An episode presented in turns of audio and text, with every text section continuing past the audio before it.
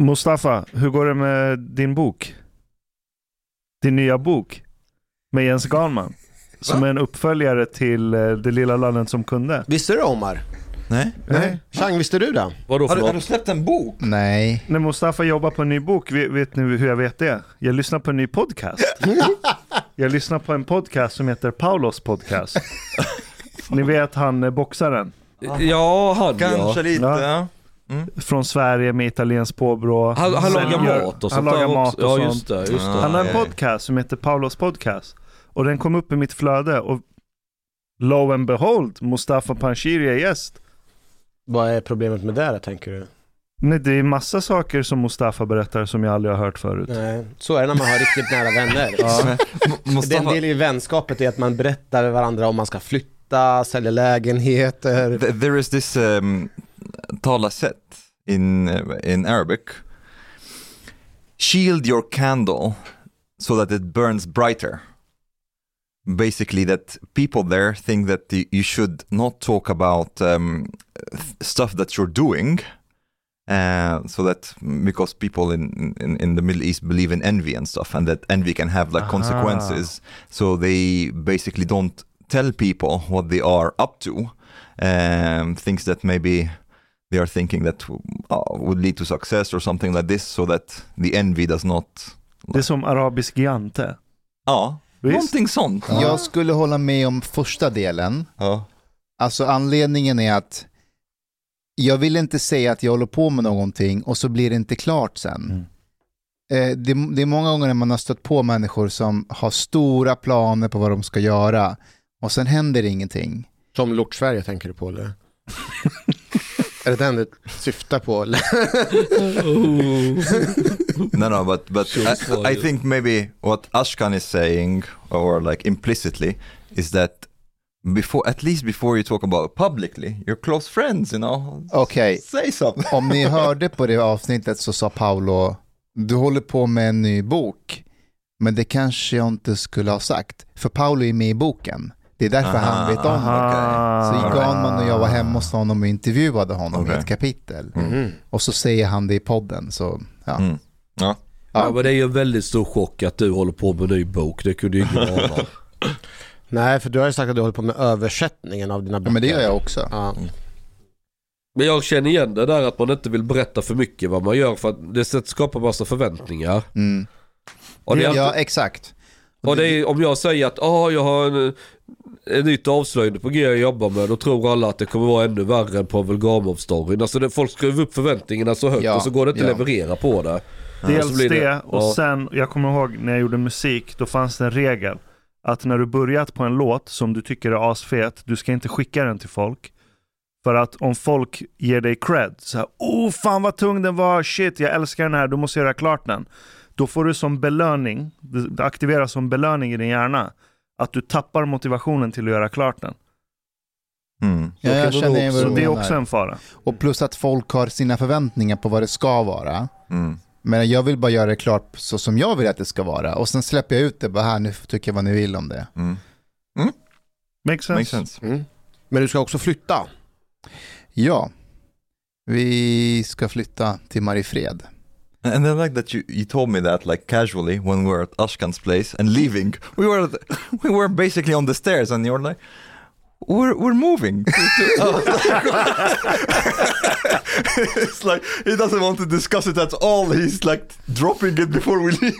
Ja, men det är också en sån här grej, för att jag håller på att sälja min, det är klart, vi ska sälja Idas lägenhet på Kungsholmen och så håller vi på att skriva kontrakt med dem. Du vet, allt ska klaffa liksom. Mm. Och jag vill, jag vill berätta när allt är klart, så här, nu är det klart. Mm. Ja, understand. Ja. Men eh, ni ska flytta till, vill du Mariefred. berätta eller?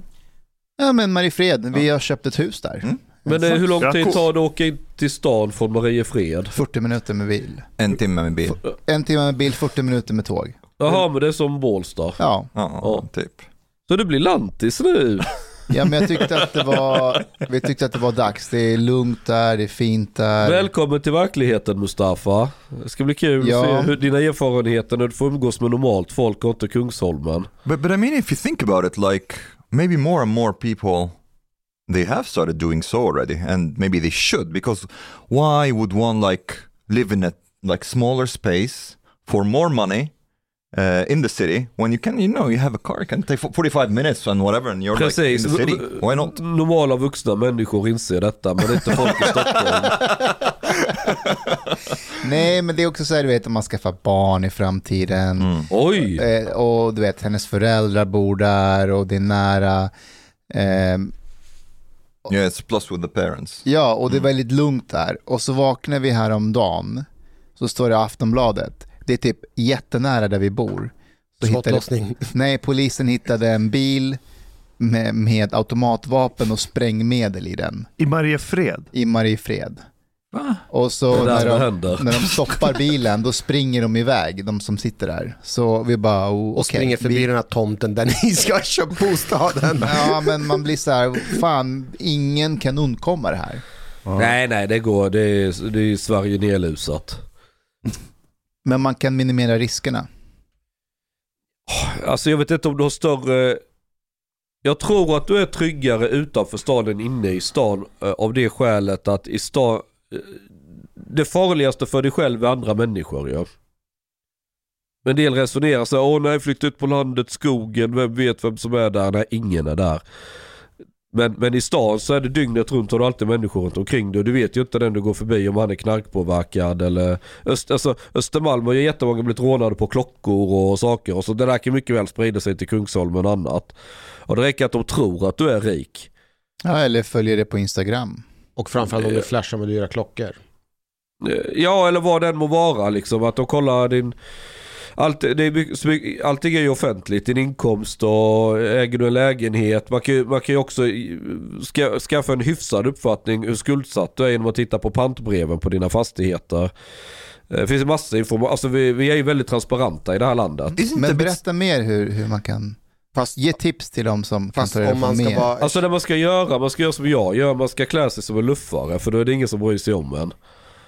Det är det man bästa kan kolla hur försvaret. mycket du, dina bolag omsätter. Ja men du tjänar, ju mer pengar du tjänar svart så syns inte det heller. Det är det som är det fina, det är ett självförsvar. Både mot staten och andra kriminella. Fast det är en sak Chang, det här med, det, det stämmer ju att eh, om man är i stan så kanske man kan bli utsatt för risk men samtidigt så är man ju mycket mer skyddslös om man bor på landet. Du, problemet är att det är inte så mycket människor där så om man vill utsätta någon för brott Nej. så kommer man Fast ju... på landet så har ju både du och alla dina grannar har ju förmodligen en hagelbössa hemma. Så det, Men det, det blir granne- fair game. Fast din granne är ju, om du bor ute i skogen så kanske din granne är en bit bort och det är inte så att man kan träffa med den där hagelbössan. Ja men då har du en annan fördel. Det är ju att om någon kommer till din tomt så märker du det långt. Alltså du, du märker det när de är flera hundra meter bort.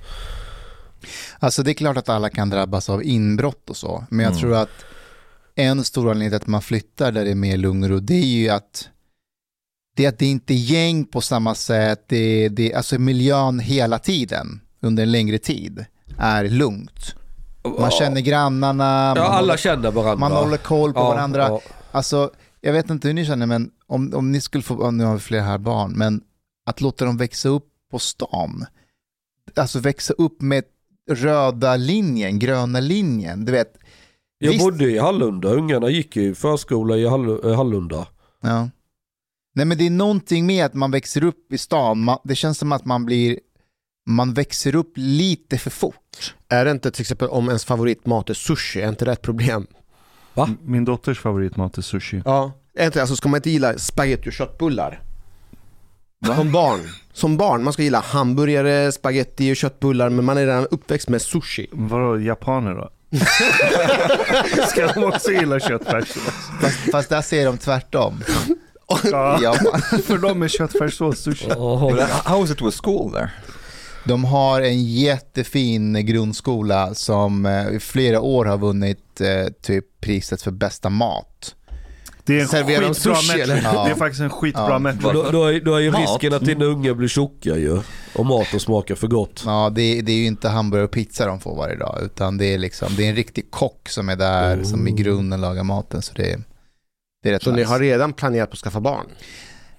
Nej, men det är klart att... Vet du hur det går till att skaffa barn? ifall, du, ifall vi ska ta den diskussionen med dig tänker jag så att du, du känner att du, du kan det här. Nej, men Ida har visat mig flera gånger nu. Okej, okej, bra. Jag, jag har faktiskt en, ett, ett scenario jag skulle vilja dra med er. Mm.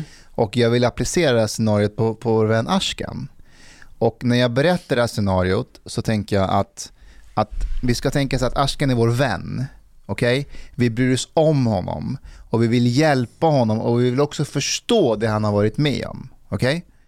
Så tänk er att Ashkan eh, har en här YouTube-kanal. Och så eh, brukar han lägga upp lite videos där ibland.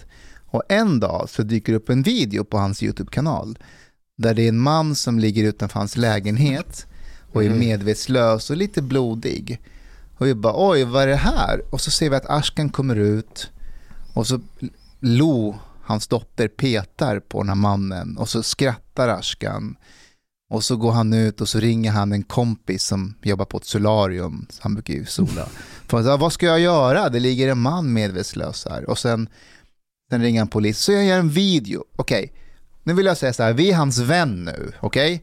Det vi har sett är sjukt, Mm. men vi vill förstå. Hur tänkte Ashkan här när han lägger upp en sån video? På en man som är blodig, medvetslös. Jag tror jag vet. Förklara.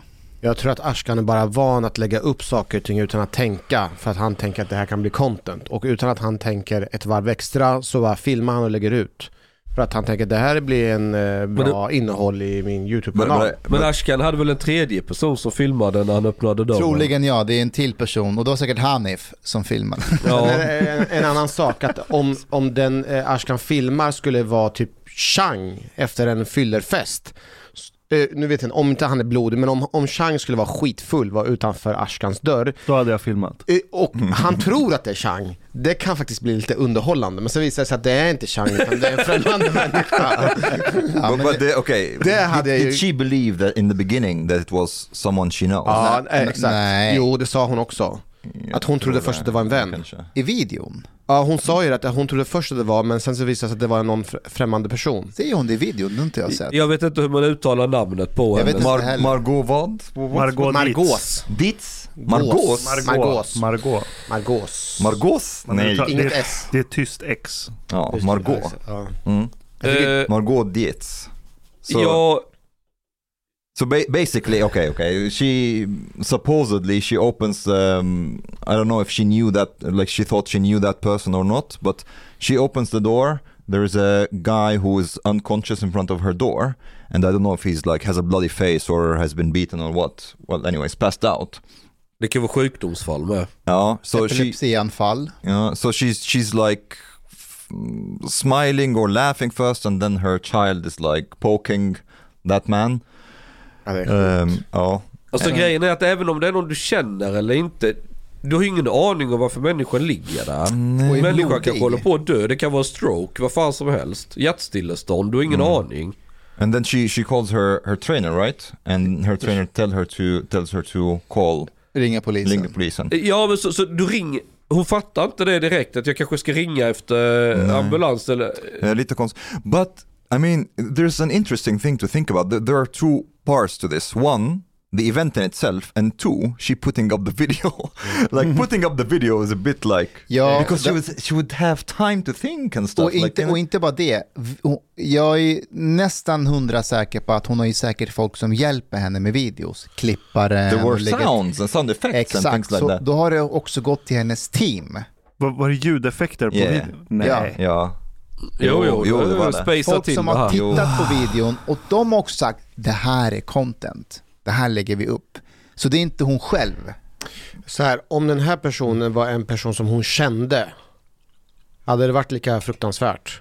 Och i efterhand hade han- Well, hon it fått sitt godkännande. If she thinks that somebody's playing a prank on her, then I understand. Like, um, Ja men säg att det skulle vara de här Dudesons eller Jackass eller man ingår i ett sånt gäng där man vet att polarna håller på med massa Ja, någon- dumheter. För då finns det någon slags förförståelse för att man jävlas med varandra. Men hon, så är det ju inte med den här människan. Nej, det är det inte. Och, och den här människan, då... Alltså det- det har ju blivit en jättediskussion i sociala medier där alla bara tar avstånd från henne. been... Och så är det en del jag ser i mitt flöde som tycker att börjar det inte gå lite väl långt nu när alla ska kasta en under bussen och vara elaka. Jag tycker inte det. För att det, det är ju, det är, hon saknar ju fullständigt empati. Och Hon är ju inte Are- are vuxen i huvudet are heller. you for Hon är ju en cancel barnunge. culture now, eller? Va?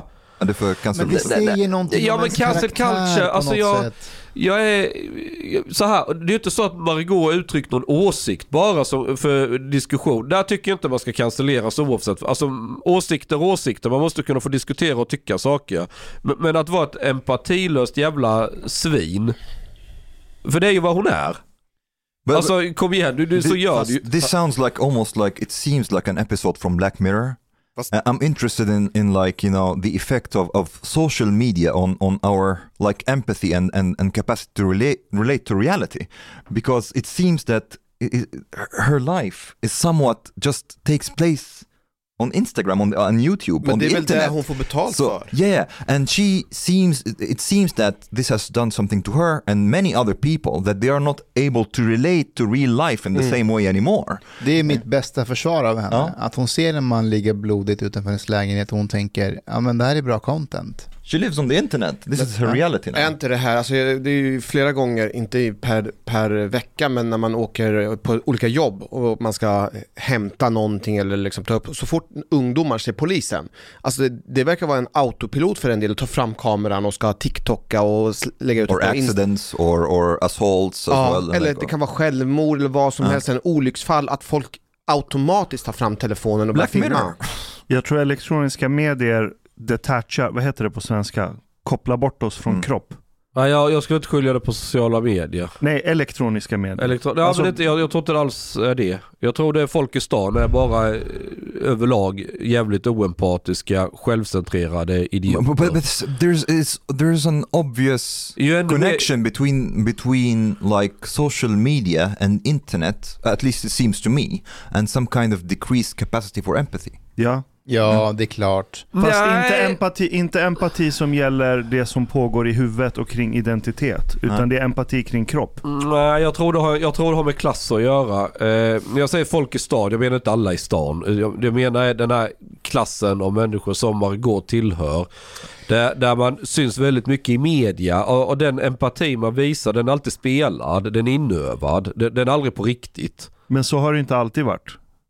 Eh, Folk som jobbar inom media generellt genom historien har inte alltid varit empatilösa. Nej, därför att förr i tiden för att ta dig till media så skulle du först ha haft ett vanligt yrke och kunna någonting innan du blev journalist eller... Men hon något- är inte journalist. Nej, nej, idag så har vi bara personer, de ska bara vara lite söta och sminka sig och prata skit och så får man massa följare. Ja men det är därför begreppet media inte blir så användbart här. Och nu sen- menar du bara en människa som har många följare? Nej, Ja, men, men alltså... Men Chang, om jag säger Vissa, så här vissa då. personer blir, hamnar, Alex Schulman är också en person som skulle vara kapabel att göra en sån här sak. Jag tror han också är fullständigt empatilös. Han, ja, det finns bara han i hans huvud. Vi har haft incidenter där det är personer som har eh, håller på att drunkna eller har drunknat. Räddningstjänsten, polisen vill komma fram till platsen. Ja. Och det här, är utan, det här är inte mitt i stan utan det här är utanför. Ja, men du pratar om Babbarna. Nej, det behöver inte, nej, det behöver inte vara alls. Det kan vara vanliga, typ eh, andra personer också. Som eh, inte låter räddningstjänsten och eh, polisen komma fram och när de ska påbörja liksom, eh, livsuppehållande åtgärder så håller de på och filmar. Det är inte bara innerstadsmänniskor, det är säger inte bara jag- med, med Mar- Margot. Nej, jag säger inte att det var innerstadsmänniskor, men det där beteendet är väldigt hög utsträckning så är det människor från Mellanöstern. Som filmar och tittar på. Nej. Det är som ju- parkerar bilarna lite hur som helst. För Jo, att men nu är det- jag, jag har varit på olika badplatser på sommaren. Åker jag utanför Bålsta där det nästan är etniskt homogent höll jag på att säga. Nej men det, det är inte Mellanöstern. Alla ställer bilarna väldigt ordentligt. Det går alltid att komma fram. Folk är väldigt så här. De badplatserna. och Sen, nu är det aldrig så att det är 100% och 0% men jag, pratar om en trend liksom. Eh, det, är framförallt människor från vissa kulturer där det är väldigt sådär. Man ställer sig lite hur man vill. Jag ska stå här. Det fanns inte plats någon annanstans. Ja, badplatser håller jag med om. Jag har min egen badplats. Jag tänker inte säga vart det är för jag vill inte att folk ska Det är som förstöra en den. kantarellställen. Ja men det är så jävla nice. Men där, det parkeringarna är fläckfria. Men, vad, men jag fattar inte vad det har att göra med att folk är empatilösa och filmar en olycka istället för att ringa polisen. Exakt, för min post, är eh, liksom, det här är ett problem som vi ser att det är just vid liksom att man när polisen ska komma fram eller räddningstjänsten ska komma, komma fram, där står människor och tränger sig för och filmar och inte släpper in, människor, äh, släpper in polisen. Och det är ju liksom egentligen inte bara en viss typ av folk utan det är en blandning av folk. Borde man inte se till, alltså de här som filmar när det är en olycka, när de egentligen kan hjälpa personen. Borde inte de bara få riktigt långa jävla fängelsestraff Jo, och det- smädas i offentligheten? Det har ju- det Hängas ut fullständigt. Det är ju brottsligt numera. Ja, men vad får du böter? Ja, som allt annat här ja. But but it's it's also interesting to think how will this develop like in the future? Because I was listening to Mark Zuckerberg uh, for a while ago on on Joe Rogan and he was basically saying that when Rogan is saying okay in in real life and Mark Zuckerberg was telling him well there is no like we need to like kind of redefine the definition of re- like what is real life because there is the physical reality now and there is online reality that supposedly the tech will move more and more like to, to, to develop so maybe we will be spending even more and more time online maybe in a metaverse or whatever um, and i wonder how this will distort our our you know perception of reality Det, det kommer är det jag menar. Det är det Ja. jag menar. Tänk hur mycket av vår identitet som skapas idag utan någon sorts förhållande koppling till kroppen. Mm. Alltså bara telefonen, ta en telefon, alltså innan internet. I- På en tele, I ett telefonsamtal har inte du någon kropp. Du transporterar din, du teleporterar din identitet till personen du pratar med. Du har ingen kropp. Och sen tänk en person som föds idag. 90%, nu kastar jag ur mig bara påhittade siffror, men en stor del av dens identitet formas utan att dens kropp är närvarande. Det är klart det gör någonting med hjärnan. Det är såklart en människa som typ sitter och täljer knivar i trä dygnet runt i 20 år. Du kommer se att dens hjärna ser annorlunda ut än någon annans. Den kommer ha mycket starkare nervfibrer och kopplingar i de delar av hjärnan som har med att tälja en kniv att göra. Så personer som aldrig använder sin kropp för att skapa en identitet, de blir kroppslösa. Jag tror det finns en koppling här. Varför, Mm, varför tror ni också. könsdysfori plötsligt dyker upp? Folk har inga problem med att bara skära bort sina bröst från ingenstans. Du är helt jävla alienerad från din kropp. Och så ser du en person ligga utanför din dörr. Du tänker inte att det är en kropp som ligger där. Du tänker så här, vad är det för identitet som ligger där? Ah, det är en full man. Mm. Ah, fuck it, en full man. Jag är feminist, jag kan filma det här. Jag står över den här personen på identitetsskalan. Hon hade förmodligen inte gjort som det var en kvinna.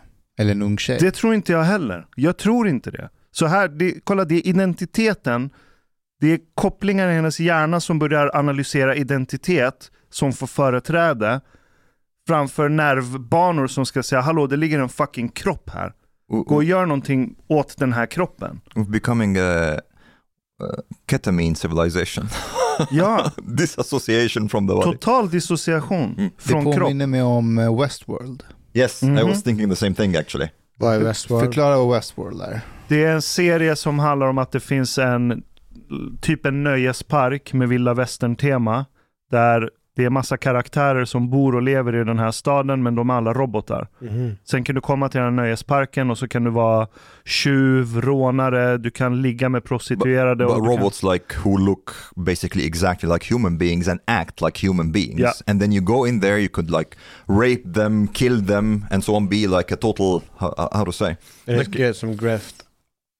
Vad heter den där? Grand Theft Auto. Ja, exakt. Fast i verkligheten. Oh, Sen like en gång i really, veckan. they, they look like, uh, oh, so and they have like the same reactions as human beings and so on. But you go there and live like a totally, oh, total savage, um, and well, scot free. Like, uh, and then how would this affect maybe your reactions towards actual people, maybe in reality? Exakt. Mm. So maybe it would become like this if we develop like in some kind of metaverse and live there as well. Vi bor redan i ett metaversum. Till Yeah, stor del. yeah, but I'm thinking Facebook like är ett metaversum. yeah, but I'm thinking like imagine if it like think hundred years from now, for example, when you are, when it becomes so like simulates reality very much to the extent that actually you can um, enact violence on people in the metaverse Yeah. without this meaning anything really, uh, and you see them like you know reincarnating or whatever. Um, and then you have to interact with the physical life now. Yeah, well, it's uh, interesting times. I'm like checking the weather app right now every day. So today's forecast, for example, the the high is 10 and the low is 7, and then the weather app shows you what the normal temperature is for this day, as in the historical average, recent historical average, and it's five high, low one degree. So it, there's a difference of five to six degrees from the on the app from the average, and it's also warmer than last year on the same date. Mhm. So I was um, watching um, this. You know, like there's COP conference on on the environment and stuff in in Egypt. Just. Um, and something that, that uh, it hit me that people are talking a lot about how we should um, control utsläppen and uh, they're talking a lot about like we should not uh, like reach this two degrees or, or or whatever but nobody's talking really about plan b that maybe also we need to adjust to a scenario that this is a, gi- a given maybe and that there will be some zones on Earth that are not inhabitable because of like uh, increased temperature. Uh, some zones that will basically be um, uh, in, uninhabitable because of, of rising of sea levels. Nobody's like making that kind of plan, saying, okay, well, we should try to maybe reduce the temperature, but it's possible that we will not be able to, and we have to like adjust for this scenario. Okej, nu, nu har du kommit med mycket fakta om klimatförändringar. Vi behöver någon som kan förneka det här. Så, Chang, Förneka vad? nej, men säg någonting om att temperaturen inte alls har höjts. Så vi behöver mer träd. Och... Eh, Ja, alltså varje morgon när du bor i Mariefred och behöver skrapa rutorna på bilen så kommer du själv svära, kan inte de där klimatförändringarna komma snabbt nog? Jag, Well, jag är väldigt försiktig i den här diskussionen och det finns av en väldigt eh, naturvetenskapligt skäl. Det, det är att det mesta man observerar i naturen, om jag uttrycker mig så, har en tendens att alltid hitta ett jämviktsläge. Om vi nu tänker oss fotosyntesen när vi binder kol. Uh, växterna liksom, uh, ja man binder ju energi liksom och, och skapar långa kolvätekedjor. Det är vad fotosyntesen egentligen är. Om vi nu ökar mängden kol i atmosfären, vi får en växthuseffekt. Det är alltså att vi får mer biomassa. Det kommer växa mer träd, buskar, gräs, whatever. Allt som har klorofyll som kan binda, binda kol. Då kommer det också betyda att vi fångar in mer kol. Alltså naturen på automatik fångar in mer kol. Och då når vi ett nytt jämviktsläge. Så frågan är om den största effekten kanske bara blir att omsättningen på kol ökar. Men om det nödvändigtvis leder till att koldioxiden ökar jättedramatiskt i atmosfären. Jag är inte så säker på det för naturen har ju en egen förmåga att absorbera det. Men i, i takt med mer biomassa Yeah, totalt sett. I, I, I get your point, but the, the thing is, like, there is at the at the same time deforestation. Like, people are are taking away forests, not like the the greenery is not increasing; it's decreasing. So in that sense, you're actually messing up with the balance. Eh, Det är kanske dumt att hugga ner en jävla massa skog i Amazonas. Ja, eh, men det finns väl också det som talar för att till exempel Saharaökningen tror jag håller på att minska om jag inte eh, är helt fel på det. Fast Mm. greenery, grönska, har ökat på jordklotet de senaste 20 åren. Det har inte minskat. Ja, det har nog ökat. Jag Vad har, vad har ökat? Grönska. Det finns innebär mer det? växter Är på du jord. säker? Yes. Like even like, if you take like the net with like deforestation and like uh, Yes. the Ja, cutting det down borde, of det the borde Amazon. ha ökat. Det Fem, borde ha det, ökat. det, är inte jag, det här är inte mina siffror, det är NASAs siffror. Men All 5 right, eh, fem Vem procent. är NASA? Jag säger bara. it's, it's interesting så that jag inte får skiten för det. But it's interesting that this doesn't really uh, come up really in the discussion. However, okay, Nej, för another att det, thing. skulle- det talar ju emot Greta i sådana fall. Det kan Another- vi inte prata högt om. Another thing.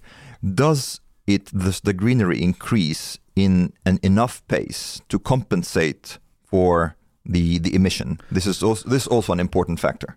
Det tänker jag inte uttala mig I om. don't I don't uh, if, if the emissions are increasing, uh, then probably they're Omar. Omar, Omar. Den dagen du skaffar ett hus och så har du lite stenplattor och så försöker du hålla dem rent från ogräs och en rabatt. Då kommer du inse att det går inte att fighta naturen. Vill den växa med något grönt någonstans då gör den det.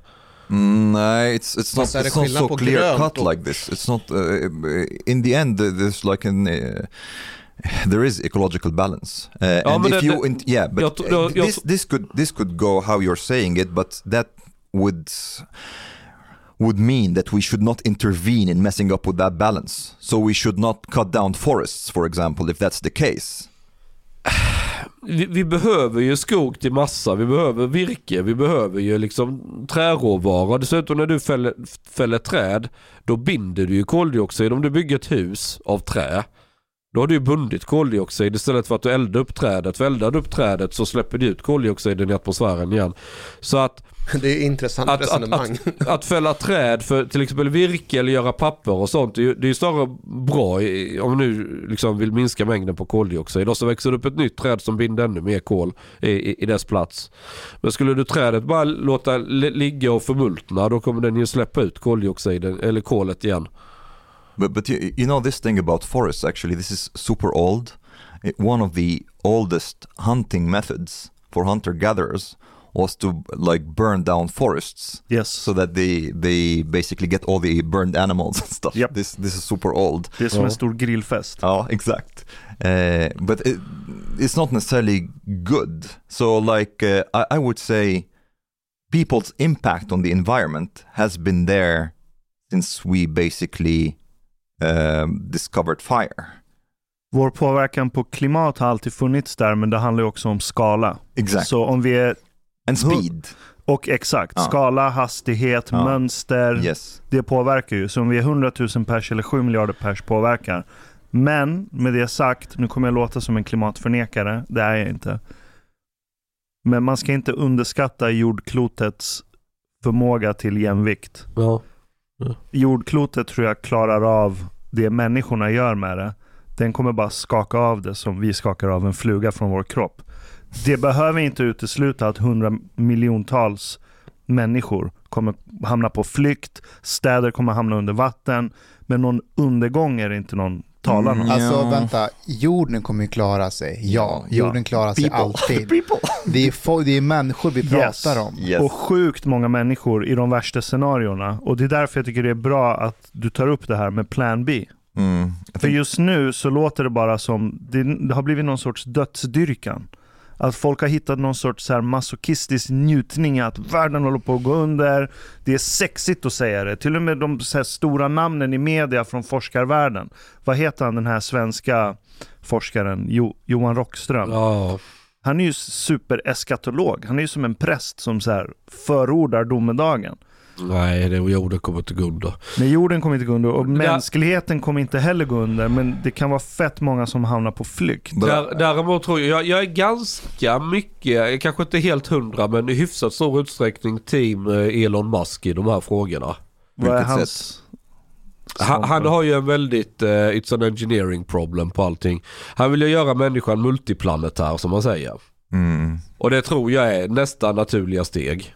Helt oironiskt. But um, Därför att dels, dels det, vi kan ju fortsätta föröka oss, bli fler. Vi växer ekonomin alltså dramatiskt om vi börjar dra igång ut i rymden. Tänk om du kan börja mina material ut i rymden. Vi kan kolonisera nya planeter. and make uh, more batteries. Eh, ja men alltså det, det, det skulle ju få en exponentiell, eh, liksom ekonomin skulle ju öka exponentiellt. Det är ju kapitalism på crack. I think I think par- partly this that we have to like explore other planets, but also technology is very important in in adapting us to to like the future scenario where where basically maybe the Middle East and, and, and many parts of Africa, maybe Pakistan and so on, will be uninhabitable. And I have to, if you look at this from a historical perspective, there has been climate change the whole time. The the difference is for most of of our history, like you were you were saying, Ashkan, the scale and the rate of increase of, of, of uh, emissions was much lower. So the changes also happened for the for the most part on like um, much longer time periods where we were, were able to adapt. But if we're talking about like some areas not not that won't be inhabitable in 2050, big areas, and there has been this in in in, uh, in history as well. Populations will be forced to migrate Yes. and you will have basically really really large scales of climate migrations where people have to flee because there is no inhabitable space for them Yes. what will you do with that jag förstår inte varför inte många höger och sverigedemokrater, det är de som ska stå längst fram och kämpa för miljön. För att slippa utvandra. Ja, med tanke på de flyktingarna vi kommer få se i framtiden. Mm. Nu är det ju Fast så här att komma hit kanske. av, av- av jordens landyta så är det väldigt, väldigt lite som är i någon högre grad befolkat. Alltså, ta en karta över världen. Hela västra Kina är ju glesbefolkat. Det är bara östra Kina. Ta östra Ryssland det är ju så glesbefolkat så det finns inte. Do- do Ta det think China- Australien Do, do är you det... think China will take Africa? they will not. Men Afrika är ju bara... Afrika, vad menar du? Att Afrika ska sjunka i havet? Det är ju nej, bara, nej, nej, nej. It will become like Alltså, du- parts of it would become like way Afrika too. är ju gigantiskt. det är ju Yes, yes. sinnessjukt stort. Yes. Du, du har rätt i att stora delar av landytan är inte befolkad, men det räcker ju med att bara Bangladesh hamnar under vatten. Så har du 165 miljoner pers. Or the temperature like is, is permanently maybe above 50 degrees or something. You will not be able to live there either. Ja. But uh, one, we, we Vadå talked this. bor väl konstant i 50 grader plus? Yeah, exactly. And if this like uh, becomes 60 plus in the, in the Middle East, they will not be able to, to be there. And we Det talked a bit bra. about the fall of uh, the Bronze Age. One of the theory, uh, theories actually about the sea peoples that they were people like who were forced because of climate change to uh, cross the sea. Uh, one of the theories. Um, Men här, här är vad jag stör mig med klimatrörelsen. Det är att, okej jag köper argumentet att västvärlden i århundraden har plundrat och manipulerat och exploaterat och försökt dominera planeten. Och det har lett till att vi har fuckat upp ekosystemet på massa olika sätt. Och ändå ska samma mindset, att vi kan manipulera och dominera och kontrollera, så ska vi med samma mindset fixa jordklotet. Det är där jag tappar det. Hur då? really, but why? Det, det, det är ju vår hybris är att med vår vetenskapliga metod så kan vi exploatera planeten och växa ekonomin och få allting att florera och bli en utopi. Och så har vi fått en global klimatpotentiell katastrof runt hörnet. Och så ska vi använda samma verktygslåda för att fixa den här globala But uh, I don't klimatkatastrofen. agree though, because uh, because uh, you, don't you believe that technology can be used uh, in order to like try Jag tror to teknologi, förlåt jag avbröt. Uh, like to, for example, to use like let's say more green energy or whatever to try to like. Men vad är green energy? If we say nuclear, for example, like this is is, is like, is it is it not better to like use nuclear than to burn like all the fossil fuel that exists on Earth? Jo, Uh, jo, vi, jo, jag tror vi kan, klart teknologi har en potential att förbättra vissa saker, men vi, vi har så dålig förmåga att se komplexitet med våra små hjärnor. Att vi är helt chanslösa i att beräkna konsekvenser som vi inte kunnat förutse Eh, med teknologierna Ash vi kan ha en använder. poäng. Det finns en bok som heter Kortfattad historik över nästan allting. Eh, skriven av Bill Bryson. Mm. Eh, där han går igenom egentligen på, på ett ganska enkelt sätt naturvetenskapens historia liksom från början till... I don't like this book at all, but continue. Ha? I don't like this book at all, but continue. Nej men det är för att du är islamist. Eh, I alla fall... You're confusing me with Mustafa. Eh, I alla fall, i, i, i slutet av boken så, så berör han klimatet. Och, och det han pekar på är att om man tittar på vetenskap så kallad, alltså, så har om det är någonting som kännetecknar vetenskapen är det att det man var helt säker på, det här vet vi, det här är vetenskap på 1700-talet. Det blev helt förkastat på 1800-talet för då kom en ny teori, man upp, gjorde nya upptäckter. Sen på 1800 var man helt säker liksom att nej nu, nu vet vi, det här är facit, så här är det. Jaha, sen kommer några andra, Marie Curie eller Einstein eller Niels Bohr eller vad det är, upptäcker någonting nytt. Oj då, så förändrar det också igen allting hur vi ser på världen. Och så där är det, vetenskap är hela tiden att ifrågasätta. Oh. And that's what's good about it. Det- Ja, men och framförallt vad, vad det säger det är att vi kan aldrig vara hundra säkra på någonting för att förr eller senare så upptäcker vi någonting nytt som, som omkullkastar hur sa- vi kommer kanske lite närmare sanningen med stort S. Men vi vet aldrig när vi verkligen är där egentligen. Ja, men vi är inte 100% säkra på klimatförändringen. Nej, vi är men min- 99% min poäng är, säkra. Ja, men min, min, min poäng är att, eller som Bryson gör i, i, i sin bok, det är att om man tittar på en så komplex grej som klimatet. Det är så många faktorer som påverkar klimatet. Jag tror han skrev att vi idag känner till 17 i alla fall olika faktorer som var för sig kan påverka klimatet. Och de här samspelar. Och det kan finnas ett antal okända faktorer som vi inte upptäckt ännu. Alltså det är så kaosartat system så att det är helt omöjligt att modellera och göra någon beräkning att det här kommer ske. Alltså en förutsägning av... Här, här har du en närliggande parallell. Ta covid-pandemin. Mm. Hur många av prediktionerna och prognoserna och beräkningarna på hur den här pandemin kommer arta sig, hur många av dem prickade rätt? Ja, vi hade ju ett pandemi. ja, vi hade en pandemi. Men hur många virus. prickade beräkningarna rätt? Jag kommer inte ihåg honest. I princip ingen. Några kanske hade rätt ibland, men det var av slump. De kunde inte förklara att de hade räknat rätt på grund av X, Y, Z. Någras kurvor råkade passa rätt, men de fattar inte varför. Så pandemin var så komplex för oss att vi inte kunde prognostisera exakt vad som kommer hända. Vad är det som får oss att tro att vi har kunnat sätta rätt prognoser på något som är mycket mer komplext än en pandemi? Det vill säga hela jordklotets jävla klimatsystem. Jag säger inte att vi inte ska ta försiktighetsprincipen här. Vi ska, tycker jag, utgå ifrån att vår exploatering av dinosauriejuice under jorden i hundra år kommer förmodligen fucka upp ekosystemet till vår nackdel. Vi borde vara jävligt försiktiga. Jag är emot den här konsumerismen som vi i väst har blivit nerknarkade i. Och jag börjar tappa min tilltro till oändlig ekonomisk tillväxt och att det är den enda vägen framåt. Åh herregud. Yes, yes. Ekonomisk Det- tillväxt är inte samma sak som att eh, köra slut på jag vet, resurser jag på vet jorden. Chang, jag har hört alla de här argumenten. jag vet, jag vet. Jag säger bara att det, det börjar likna mer en jävla sjukdom. Vi, vi ser Nej, ut som en jävla... metaverse löser detta. Se, nej, metaverse är problemet. Det är exakt problemet. Till slut kommer vi få en hel population som står och filmar utanför sin port när det ligger ett fyllo ute och håller på att dö av en stroke. Nej, vet du vad lösningen är med metaverse? Det första steget. Till slut så blir vi uppkopplade i sådana här badkar fyllda med gelé som i Matrix med slangar till huvudet. Och så är bara vår hjärna och lever i Matrix. För fattar vi energisnålt, det kommer vara det mest miljövänliga. Kommer ni ihåg den här eh, serien eh, Lilla huset på prärien? Ja, ja. Världens längsta intro var det till den också. Det, ja, det är en liten... Kom till, Det är en flicka som bor i någon, det är vilda västern. vad typ. heter den på engelska? Little House on the Prairie. Gör det? Ja, ja men då...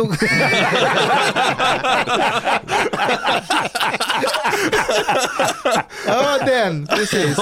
Ja, men den utspelar ju sig på 1800-talet eller tidigt Något sånt. 1900-tal, något sånt. Ja. Eh, och, och så i ett avsnitt så får de, ehm, de får telefon i byn. När, när fan kom telefonen? Det är ett Sekelskifte. 1900-tal någonting. Ja. Så de bygger ju liksom en så här antenn. eh, Det var telegraf hette det först. Ja. det, det gick ju sladdar, de hade ju sladdar. Exakt, så de kommer till deras by och, och alla i byn kan nu ringa varandra och sådär. Men det som, det, men det som funkar är att det är din operatör som sitter där med, med liksom central. Just det. Och alla telefonsamtal som kommer, det kan ju de höra.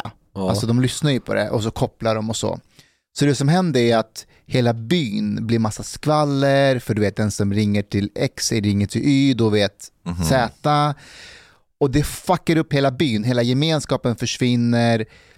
Eh, så avsnittet slutar med att byn, de som bor i byn klättrar upp för den här ledningen och bara slår sönder den. Och det är så ociviliserat på något sätt, apaktigt, men det var det bästa som kunde hända dem. Att de bara, vi vill inte ha telefon i våran by, det fuckar upp allting. Och det är lite det vi behöver nu, någon behöver hamra ner Mark Zuckerberg. Han kommer fucka upp oss. Kom igen, den här tekniken, Alltså nu, nu låter det som en grottafghan som är...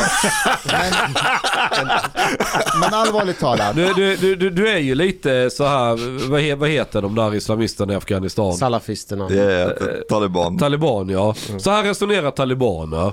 Och nu kommer västerlänningarna här med, med ogudaktig ny teknik som gör att vi, vi, vi ska bo kvar i grottan för så har vi alltid gjort. Kan då, vi, då hålla har vi med, gemenskap. kan vi hålla med om att, om att vi kanske inte kommer må bra om tekniken avanceras mer och mer till extrema? Men vad, vad, vad, vad är extrem? Hur definierar du vad som är extremt? But Okej. it's unavoidable. This is like I Jag think vet att det är unavoidable. Jag håller med, för att om inte vi gör no det kommer point. någon annan göra Yes. det. det, är o- det är, China. men, men, jag, men jag menar att, att, att du har en person som Mark Zuckerberg som säger att ja, men vi kanske behöver omdefiniera vad som är verkligt.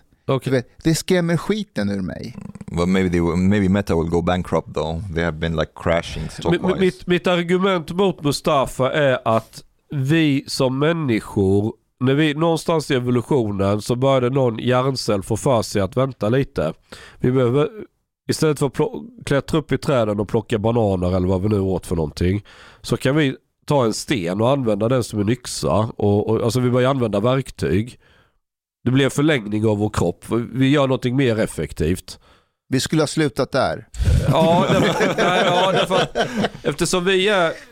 Det, det som skiljer oss väldigt mycket från djuren, ja, dels är det att det är ett språk, vi, kan, vi, vi har ett talat språk som vi pratar med varandra. Det är en förlängning av medvetande. Eh, ja, ja, typ, ja kan man säga. Eh, och framförallt vi kan, vi kan utan att göra gester med kroppen eller någonting eller visa på någonting så kan vi ändå tala om vad vi vill. Typ, jag vill knulla din mamma. Det Precis, precis, precis. Du behöver liksom inte visa rent bokstavligt. Nej, nej. Att, eh, det räcker med ord. Ja, men, men det och att vi kan skapa verktyg, det gör ju att vi, vi driver ju på en slags egen evolution. Mm, Alltså med oss som människor. Djurens beteende fortsätter generation efter generation ganska förutsägbart. Medan vi från en generation till en an- annan förändrar beteendet radikalt. Ja. Det är för att förlängningarna vi skapar ändrar oss. Eh, Ja, ja, ja visst, men, men människan är sån av naturen. Vi, vi, vi skapar verktyg som i sin tur för, precis förändrar oss. Men vem säger att en förändring är till det bättre? Ja, men vad som är bra eller dåligt är It's inte... unavoidable. There is Är no point. inte, det finns, alltså när, när man pratar evolution så finns det inte någonting bra eller dåligt. Det finns bara att miljön förändras och så uppstår, finns det nya arter som är gynnsamma i denna eller vissa dör ut och andra eh, frodas. Alltså, det, det, det finns inget bra eller dåligt, gott eller ont. Det är bara ett faktum, ett konstaterande. Kan man säga så om klimatförändringen då? Alltså vi är all, allting, på- vi är en del av naturen på jorden. Alltså det, det är det här jordklotet som eh, vi har uppstått på den här planeten precis som alla växter, djur och allt annat. Vi är en del av ekosystemet. Det vi gör är en del av det som sker på Yeah, jorden. but I mean, like, we don't have to be fatalistic about it. Like, uh, that we are part of the environment does not mean that we shouldn't do anything about our behavior if it if it will like basically uh, destroy things for us. We have the ability to, insofar as we can, to change our behavior in a sense that will make things Ah, better det är där us. jag tror vi har för mycket hubris. Jag tror, vi, jag tror vi, vi har mycket mindre kontroll över vårt beteende än vad vi tror. För att förlängningarna, kroppsförlängningarna vi har skapat, teknologierna runt omkring oss, de är en så pass allomfattande, penetrerande del av vår miljö att de hela tiden håller på att göra sin inverkan på hur våra hjärnor funkar.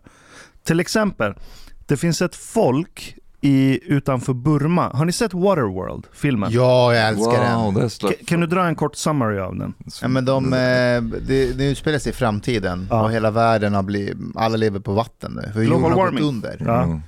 Och eh, ja, så... Jorden är den mest exklusiva varan. Jord så? ja de dyker Jord. ner för att fånga upp jord. Ja, just det. Ja, exakt. Så alla lever på vatten och så har man skepp och så slåss man om olika territorium och sådär. Och vissa av karaktärerna har ju utvecklat, de har varit på vatten så länge som har utvecklat Fins. fenor. Yes. All right. Alltså jag älskade den filmen när den kom. Men floppar inte den? Den floppade Men den är kult brutalt. nu. Men Den är den är kult. kult. Ja. Men det finns ett folk utanför Burma som kallas för the Sea Gypsies. Do they have Sea gypsies. Nej, men nära. Oh? De kan se under vatten utan att det blir suddigt. Oj. De har perfekt syn under vatten. Men då måste den vara rätt CP ovan vatten. Nej, den, Nej, den nej, sig. den är lika bra som va- så kallade vanliga människor som bor på jorden Jaha. ovanför vatten. De har gett lika bra syn ovanför vattenytan, men när de dyker ner under vattnet så behöver de inga simglasögon.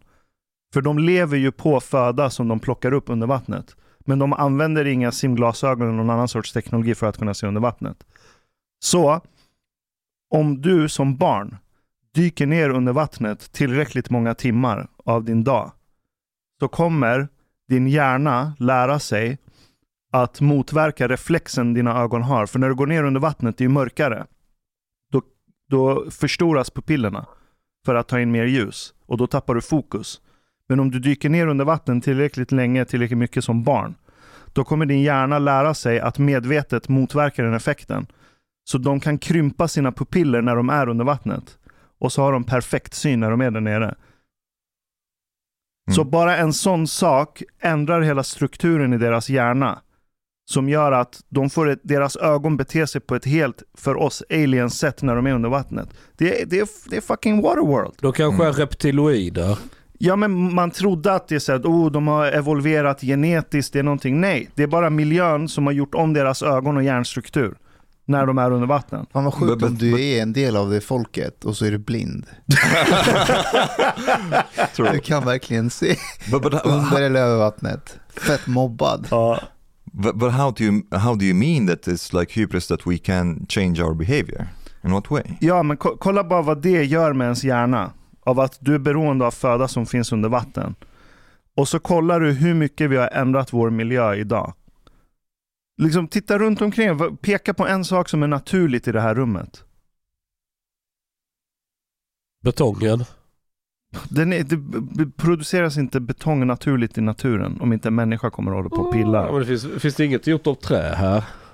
Ja, men träet växer ju inte i form av ett bord ute i Well, we, naturen. we, the carbon-based life forms. ja, vi är det enda Ja. naturliga här. Mm. Men liksom, från att du föds så din hjärna utsätts för stimuli, precis som de här sea gypsies utsätts för vatten.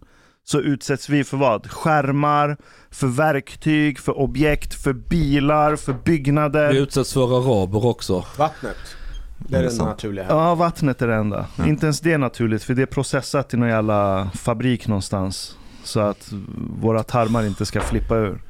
No, again, but, when I Det ändrar vårt beteende. Yeah, yeah, uh, I agree. But we basically it was question of semantics here. I mean, like we can again when it comes to technology, we can like change what we use, the tools that we use, and so on, uh, to try to modify our environment still. And this is what I mean. Um, in a way that can be less alltid gjort. Damaging. Det har vi alltid Yeah, gjort. yeah, exactly. And but that, that's the thing. We have always done that, and we can do that in a way that is damaging or in a way that is constructive. This is what I mean. It's like uh, we, we should not have a fatalistic attitude that ah we are part of the environment, so det spelar ingen roll vad vi gör. Nej men alltså, om man säger så här, vi kommer alltid påverka klimatet Ja. på något sätt. Det kommer Ja. vi göra. And we sen, can do sen, sen, eh, ja. Well, actually, the point that I want to say, like my point with bringing this up, two things. As an Arab, I'm happy that Sweden is five degrees warmer now. and also, as an Arab, I think maybe we should prepare for climate wars based on climate migration. These are the two things that I wanted to say. Men om det blir migration, kommer man vilja komma till Sverige? Bara om vi To har, Europe, fortsätter yes. med de här bidragen. Nej, inte bara det. Like Nej. imagine if, if uh, Pakistan, Bangladesh, big parts of Africa, big parts of the mid... Varför or ska like de the Middle komma East. till just Sverige när du har hela Ryssland, Fa- Australien? Well, Fatta, uh, anyways, they will Kina. cross the sea. they will cross the sea towards all directions. fattar ni hur många, and and the thing is, we like Eur- Europe will also have like less space because of rising sea levels. So uh, Det är bara Holland som kommer gå ner i havet. Resten klarar sig väl rätt hyfsat. how how will bli- Stockholm be actually when it comes to Men rising sea Stockholm, alltså vi, Stockholm är ju byggt på berg. Det är väldigt få hus runt Stockholm som är väldigt nära havsnivån. De Fast flesta vänta är ju några meter upp. Jag pratade med någon och att de ska planera att bygga om en del av Stockholm för att man beräknar att vattennivån kommer höjas med ungefär en halv, mellan en halv och en meter inom en snar framtid. Ja, men det är inte så jävla mycket som behöver byggas om. Don't Halv, think. It, alltså om, om, om vattennivån om vattennivån eh, beräknas att stiga med halv meter till en meter. Ja.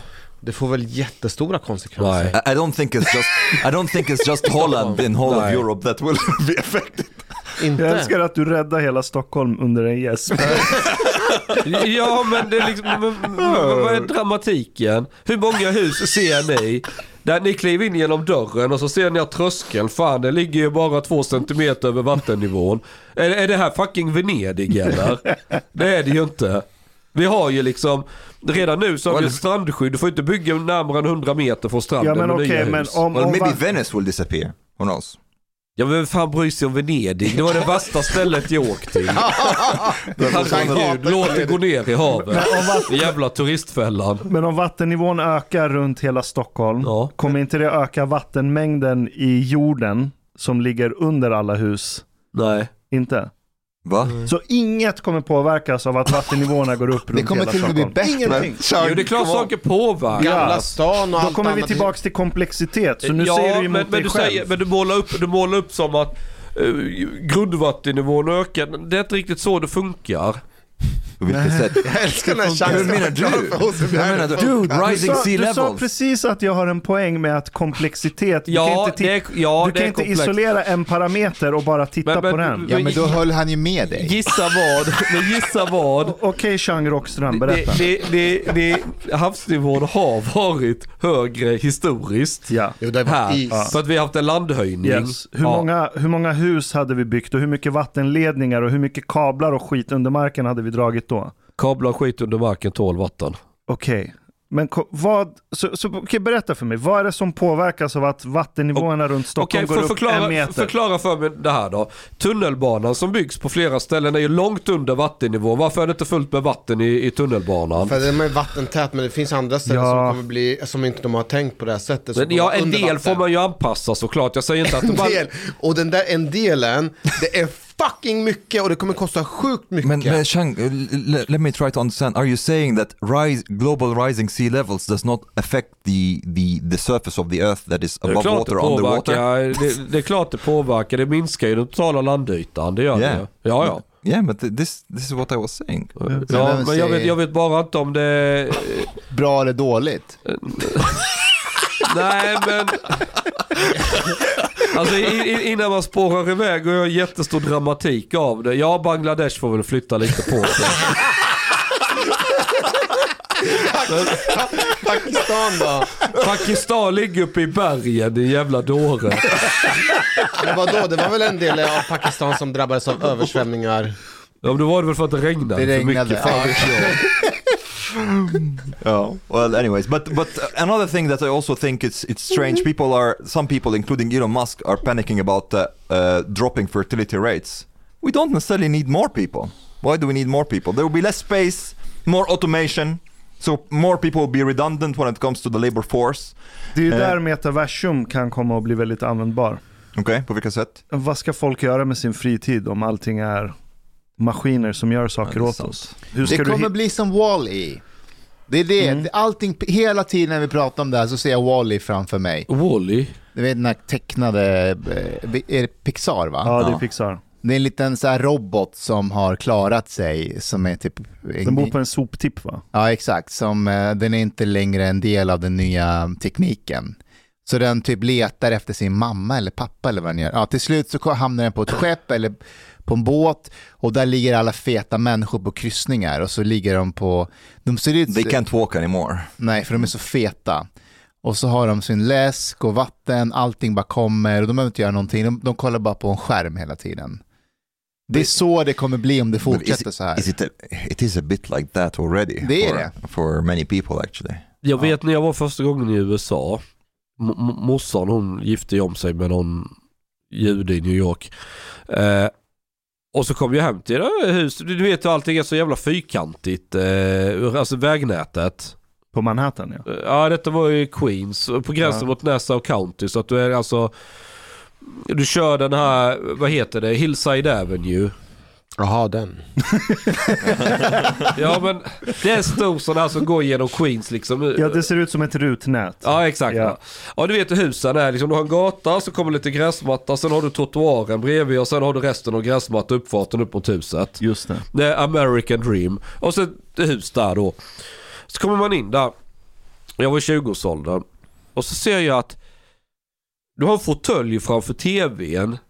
Alltså både jag och lillsyrran kunde sitta bredvid varandra i fåtöljen när det var ändå avstånd mellan oss. Mm. Den är så jävla stor. Allting ska ju vara Och i nu. fåtöljen så är det redan mugghållare för liksom Ew. en mugg för läsk som är liksom, det är en halv liter minst om inte mer. Allting bara, det var så jävla stort och det var som gjort för att bara sitta framför tvn och bara bli fetare och fetare. Och, det, och den här gubben som också har träffat, vi hittade på hans byxor. Så vi skojar till det. Jag hoppade ner i ena byxbenet och lillsyrran i den andra och det var ändå 30 centimeter mellan oss. Shit. Alltså det är så här, Homer- Homer och han, han var liksom inte fet i, i, med amerikanska mått mätt. Fan heller. Alltså när jag gick ner i tunnelbanan. Helvete vilka jävla tjocksmockar jag, jag såg ibland. Som hade, de hade problem att komma in i tunnelbanan trots att det, dörren som öppnas är lika bred som här i Stockholm ju. Men det var folk alltså, de fick nästan gå på sidan in lite och kravla sig in. Det där har inte hänt.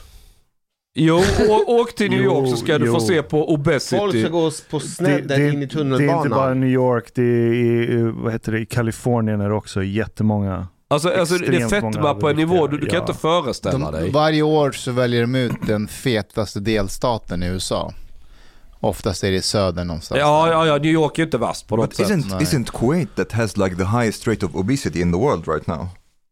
Kuwait? Mm, jag tror det. Ja det är det kanske. Kuwait and, and Saudi Arabia and all these countries, like the rich Gulf. Uh, är, like är inte de ett sorts experiment på medborgarlön? I alla fall Saudiarabien. Saudi, ja, definitivt. Visst? Ja. Så du får diabetes och fetma. Och medborgarlön. Nej, arbetsläge behöver de. Alla behöver arbetsläge. Men var inte Henrik Schyffert lite profetisk ändå? Han, han, han skulle beräkna vad det kostar att finansiera invandringen. Då sa han Netflix, Fanta och pizza. Quattro stagioni. Och Quattro Stagioni. Mm. Och det är ju typ det som kommer hålla befolkningen nöjd om de inte längre behöver jobba och måste få medborgarlön för att det finns inga jobb för majoriteten av människorna längre.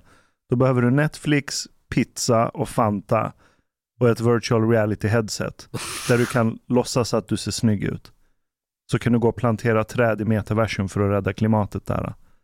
Well, I, I think uh, Japan is on the forefront of. Uh, they have like so many like social phenomena that are really bizarre. I can't remember what's this phenomenon called. It's like um, young men Ja. uh, who are called like there's a Japanese expression for it, like hermits. Hermit. Yes, they är they det? basically. How do you say hermit på på svenska? Är det inte eremit? Här är eremit. Ja.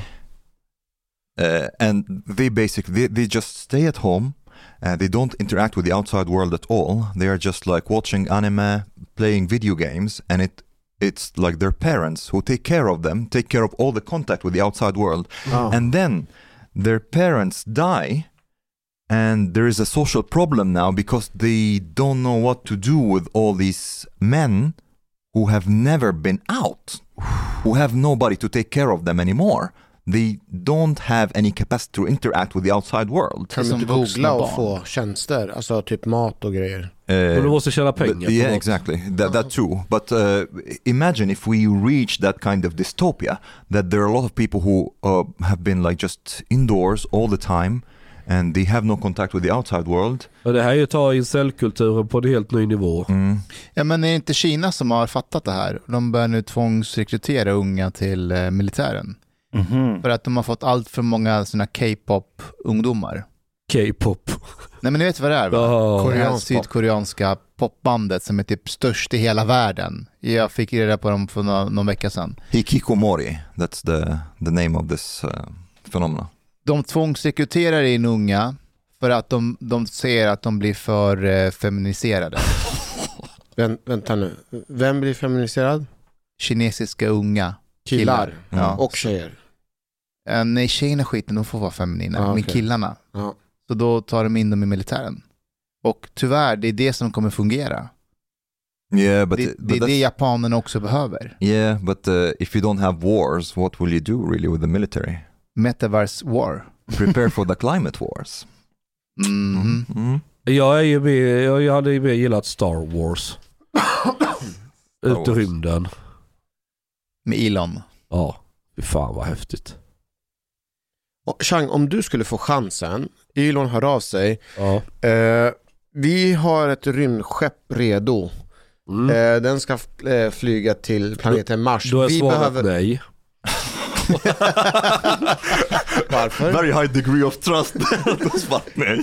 Det är för att Du kommer vara den första som kommer, eh, och vi vet att det finns liv där och vi vill skicka iväg dig. Vi, vi, vi vill har offra valt dig. ut dig. Nej, vi har valt ut dig att du är den bästa exemplaret av mänskligheten.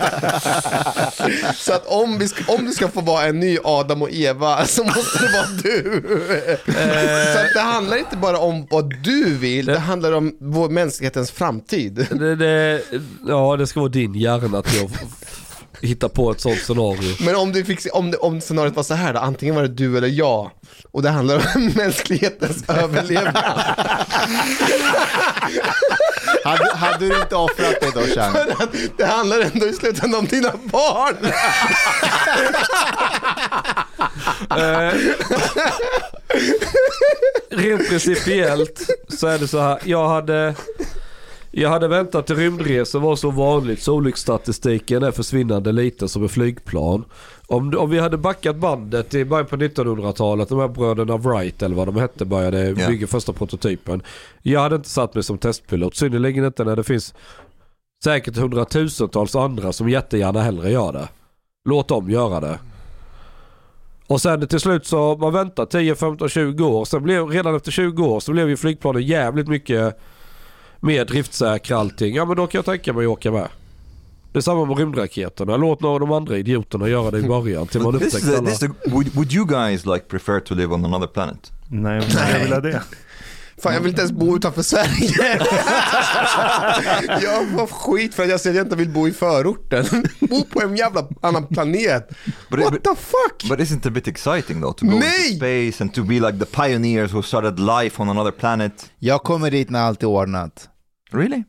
I think I could Nej, go. jag har inga problem med att eh, vara, ta en ny planet eh, och, och börja jobba med att bygga upp den. Och, Nej, det hade jag nog kunnat tänka mig. Men jag vill att den teknik man använder ska vara hyfsat mogen och, och, och eh, utprovad. Det första där du byggt där, det, det är kärnkraft, eller hur? Ja, det vet jag inte. Det beror ju på vad... Nej, raggarbilar. Alltså det beror ju helt och hållet på, har planeten någon atmosfär? Har den inte det, ja, då får vi börja med att fixa den biten. Eh, Där kan man ju prata om någon slags geoengineering på stor skala. Annars får man ju bo i någon slags lufttäta hyddor som eh, har vi hela tiden rymddräkter på oss när man går utanför. Eller kan man inte göra en stor kuvös som innefattar hela samhället? Jo, men då ska du ha byggmaterial till det.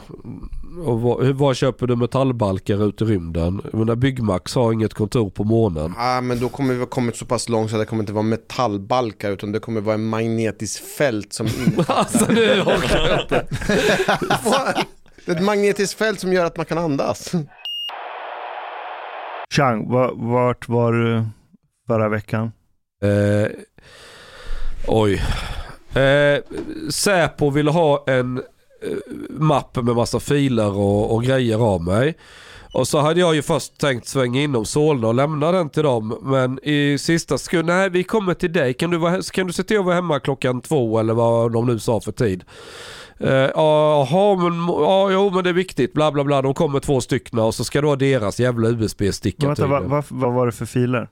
Eh, under fem års tid har jag roat mig med att kartlägga ryssar som jobbar i ryska staten som, vad heter det? Ja men på olika sätt försöker eh, skapa kontakter eller ka- kanske i någon mån bedriva någon påverkan med, men på, på politiker i väst liksom. Så du har kartlagt ryssar som gör påverkansoperationer på väst? Ja, Jag vet inte om jag skulle använda det ordet men eh, ryssar som jobbar delvis förmodligen för rysk underrättelsetjänst. Eh, eh, förmo- ja, ja, jag kartlagt. alltså, Ja, typ. Hur, hur identifierar man en sån person? Ja. Alltså det, det, Om jag träffar en ryss, vad är det Ja. jag ska leta efter för att veta att den här personen försöker mygla in sig i väst och ryska underrättelsetjänstens vägnar? Fråga först om man känner en som heter Chang Frick. nej, men alltså det kan du ju inte veta.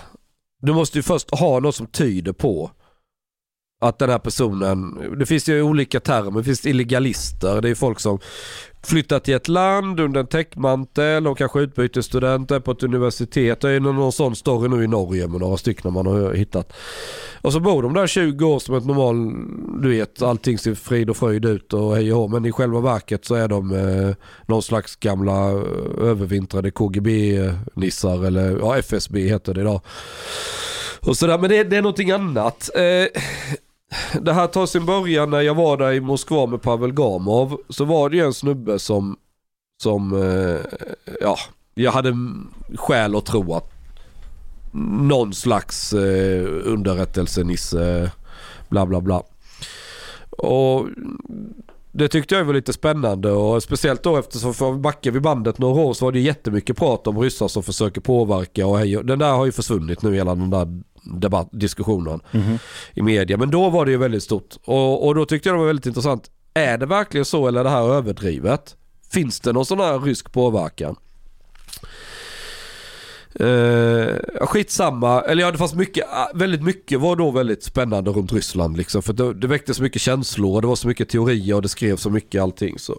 Här fick jag ju en jävla ingång ja. Så jag har ju behållit kontakten med en del där och försökt liksom fortsätta. Liksom vem jobbar för vem, vem gör vad och vad är hans egentliga jobb och vem är den personen och bla bla bla. Så jag har ju liksom samlat på mig jättemycket info ju. Om olika personer. Jag har ju åkt över till Moskva ett par gånger och träffat en del av de här personerna och varit hemma hos dem och så här och jag har ju jättemycket samlat på mig under för så här nördig jävla, så vet jag att jag ska skriva en bok, vad ska jag göra med materialet? Jag har liksom ingen aning om ännu. Men det har bara varit som en absurd skev hobby. I, I vilken kontext åker du dit? Åker du dit för att träffa dem? Eh, ja, Och vad säger du till dem? Säger du att jag ska komma till Moskva för att träffa dig eller hittar du på en story? Om att du har vägarna förbi? Nej, ja, jag, bara, ja, jag tänkte dra en runda till Moskva och hänga lite. Det var en gång så var det eh, jag och Paulina som åkte. För varje gång hon fyller år så får hon bestämma var hon vill åka. Då hamnar man typ på Venedig eller något jättehemskt ställe. Men, men och sen när jag fyller år så är det ju payback time. Så det var det ett år så sa jag nu åker vi till Moskva. Och hon skrek ju rätt ut men så fick det bli. Så var vi i Moskva några dagar och jag bara, ja men det var min födelsedag, jag ville åka någonstans, eh, glassa lite på hotellet. Så tänkte jag, ja men då passar jag på att svänga inom och och, och då hängde jag med frugan till en av de här nissarna som jobbar inom ryska presidentadministrationen med något och ja. Men jag fattar inte, du, har- du har ju liksom genom åren hånat hela teorin om att ryssar försöker påverka väst. Ja, Och, ja, det gör jag nog fortfarande. För de här människorna är ju fullständiga, alltså tummen mitt i näven. Alltså om du skulle, om vi skulle jag ta med er till Moskva och så visar jag er, ja, här är deras underrättelseavdelning, så här funkar det, de här människorna, bla, då kommer ni bara, okej. men, ja. varf- men varför har du kartlagt dem då? För att det, det är bara nöje, det är bara någon OCD. Det är bara liksom, jag, jag, det började med, när jag var där med Pavel. Sen blev det, det blev bara spännande, kul grej liksom. Jag blev nyfiken. Så kul att nu Säpo kom hem till Vänta dig. nu. Ja, inte Säpo, det var polska ABV, alltså deras underrättelsetjänst som...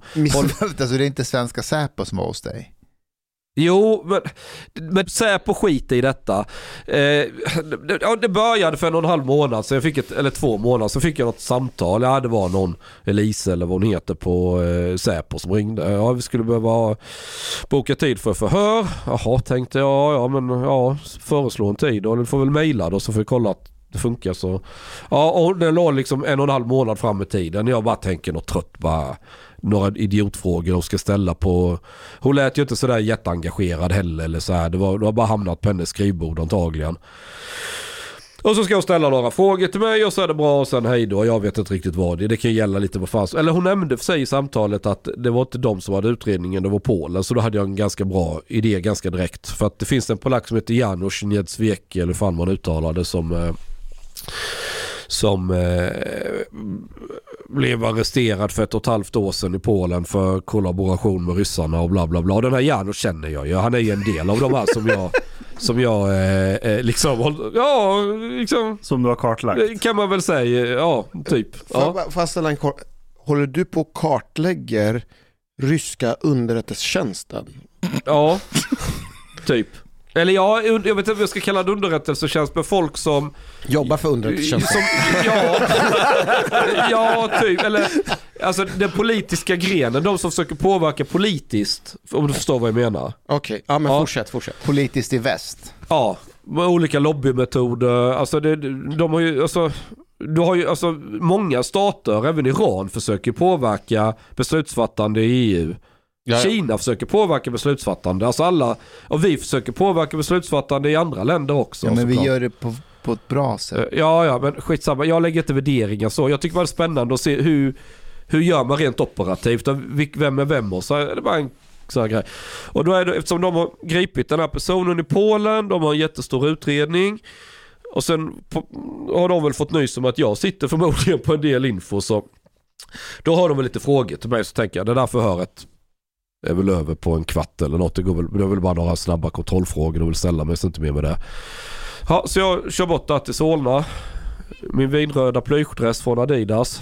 Såklart, lite rufsig i håret och tänker det här går väl fort. Hej, då ska jag in i byggnaden tydligen. Och det är en jävla kontroll med lägg och hej och hå och bla bla bla. Sen fram till någon lucka. Har du någon elektronisk kommunikationsutrustning på dig? Du menar en mobiltelefon? Ja precis. Ja det har jag. Ja men då får du nyckel. Här låser du in den i det skåpet där borta. Sen ska du ha den här namnbrickan och så ska du visa lägg en gång till och bla bla bla. Jävla procedur. Och jag tittar på liksom, kan vi inte bara ta det här på parkeringen eller Vänta, något liksom? En, lägg en gång till. Like first they see it before you leave the phone and then after you leave the Nej, phone. nej. so that they know the same person. När, när du kommer till byggnaden så står det först en skyddsvakt utanför. Så du får alltså inte gå in i byggnaden utan då ska du visa lägg, kolla på en lista över besökare, ringer några samtal, bla bla bla. Sen till slut blir du insläppt. Och det kommer ju in för en rulltrappa då liksom och där står hon jag ska träffa där. Och jag tycker liksom hela den här jävla proceduren, låsa in telefon och bla bla bla, är det liksom nödvändigt? Det är väl bara, vad fan vi kan väl ta det på parkeringen eller något, det går väl fort det här. Hej, nej, jag följer med henne genom någon ståldörr, korridor, en hiss, upp några våningar och så en massa så här skyltar. Men jag får inte ta bilder eller avbilda eller beskriva byggnaden inifrån och bla bla bla. Men det ser ut som, Hade du kunnat ha dold inspelningsutrustning på dig utan att de skulle märka det? ja det hade jag. Okej. Det hade inte varit svårt ens en gång. Mm. Eh, nu hade jag inte det i alla fall så, Mm. att, så for the record. Eh, men eh, så kommer vi upp där, det är som en lite schysstare kontorslandskap eller vad man ska säga. Och där är Fikaön, vet ni vad Fikaö är? Nej. Du har som en liten ö med en vask och kaffeautomat och Mm, lite så här. Mhm. Ja. Så där flockas ju mycket folk. Och jag kliver ut i hissen med Adidas-dressen, ser ut som någon random snubbe från gatan. Alla där är ju klädda i kavaj och den ena är viktigare än den andra du vet. Och, och med såna här, det är som en dålig Hollywoodfilm nästan. Ja, den här scenen skulle jag vilja ja, se. och, och så är det någon även som är någon jävla örlogskapten eller något med militära gradbeteckningar. Och det är lite, alla vänder sig om och tittar. Vi kliver ut i hissen. Och jag tittar på dem och bara, vad fan gör jag här? och det, här, det är bara så realistiskt. Vad är nu detta? Vad, vad, vad, jag är ju... Skitsamma, visa mig till ett konferensrum. Jag, tänker, jag hade ju sett framför mig det var någon tråkig jävla, du vet när man är på förhör hos polisen och bara tråkiga betongväggar och Ja, det är någon det. trött jävel som sitter framför en som bara ska, som hatar sitt liv och bara vill gå i pension. Men nu är det det är- andra tiden, nu är det Säpo, Säpo har fått massor med pengar för att bekämpa terrorism och nu är det lyx plötsligt. Ja, lyx men det, det är fan mycket fräschare än en jävla polisstation, det kan jag säga. Eh, kliv in i det här konferensrummet, där sitter tre karlar. Då är det en tolk och två underrättelseofficerare från Polen. Och jag bara, har de åkt upp bägge två? Är det, vad i helvete? Och, och, och jag får intrycket att hon från svenska Säpo är själv inte riktigt med på vad fan som händer. För det är så här, om, om, om polska underrättelser vill förhöra mig så ska det tydligen gå genom svensk polis och de är behjälpliga med detta och så här. Man begär handräckning. Ja, och hon har ju kanske förmodligen inte läst in sig så mycket på vad det här ens handlar om. Och, de, och, då, och det första jag säger då, har jag antar att det handlar om Janusz Niedzwiecki. Då blir det helt tyst och de börjar titta på varandra. Ja, det handlar det om. Liksom. Och på varje fråga de ställer så har jag ju mycket mer svar än vad de kunde få. För de visste ju inte om att jag roat mig med att under fem års tid och kartlägga detta själv bara som en hobby. Så de blir ju jävligt impade liksom av allting man har att berätta. Men hur, hur tror du att de visste att du ens har den här informationen överhuvudtaget? två teorier. Antingen har Janusz själv börjat prata. Han har ju suttit ett och ett halvt år inlåst. Han kanske börjar spela Or boll. correspondence between you and him. Ja då skulle de ju övervaka att... eh, nej det tror jag inte att det är så. Jag tror att artikeln jag skrivit Eh, med Pavel Gamov-resan. Mhm. Bara utifrån den så, den som har koll på den här utredningen fattar ju vilka jag har träffat. Okej. Det går att utläsa ur den, även om vi ändrat namnen och sådär på folk. Så vi sitter och snackar tre timmar och det räcker ju inte tiden. Det roliga var också att i början och före så säger hon så här. Ja Basse du vet, du, du är ju här som vittne. Ja, jo det fattar jag. Ja.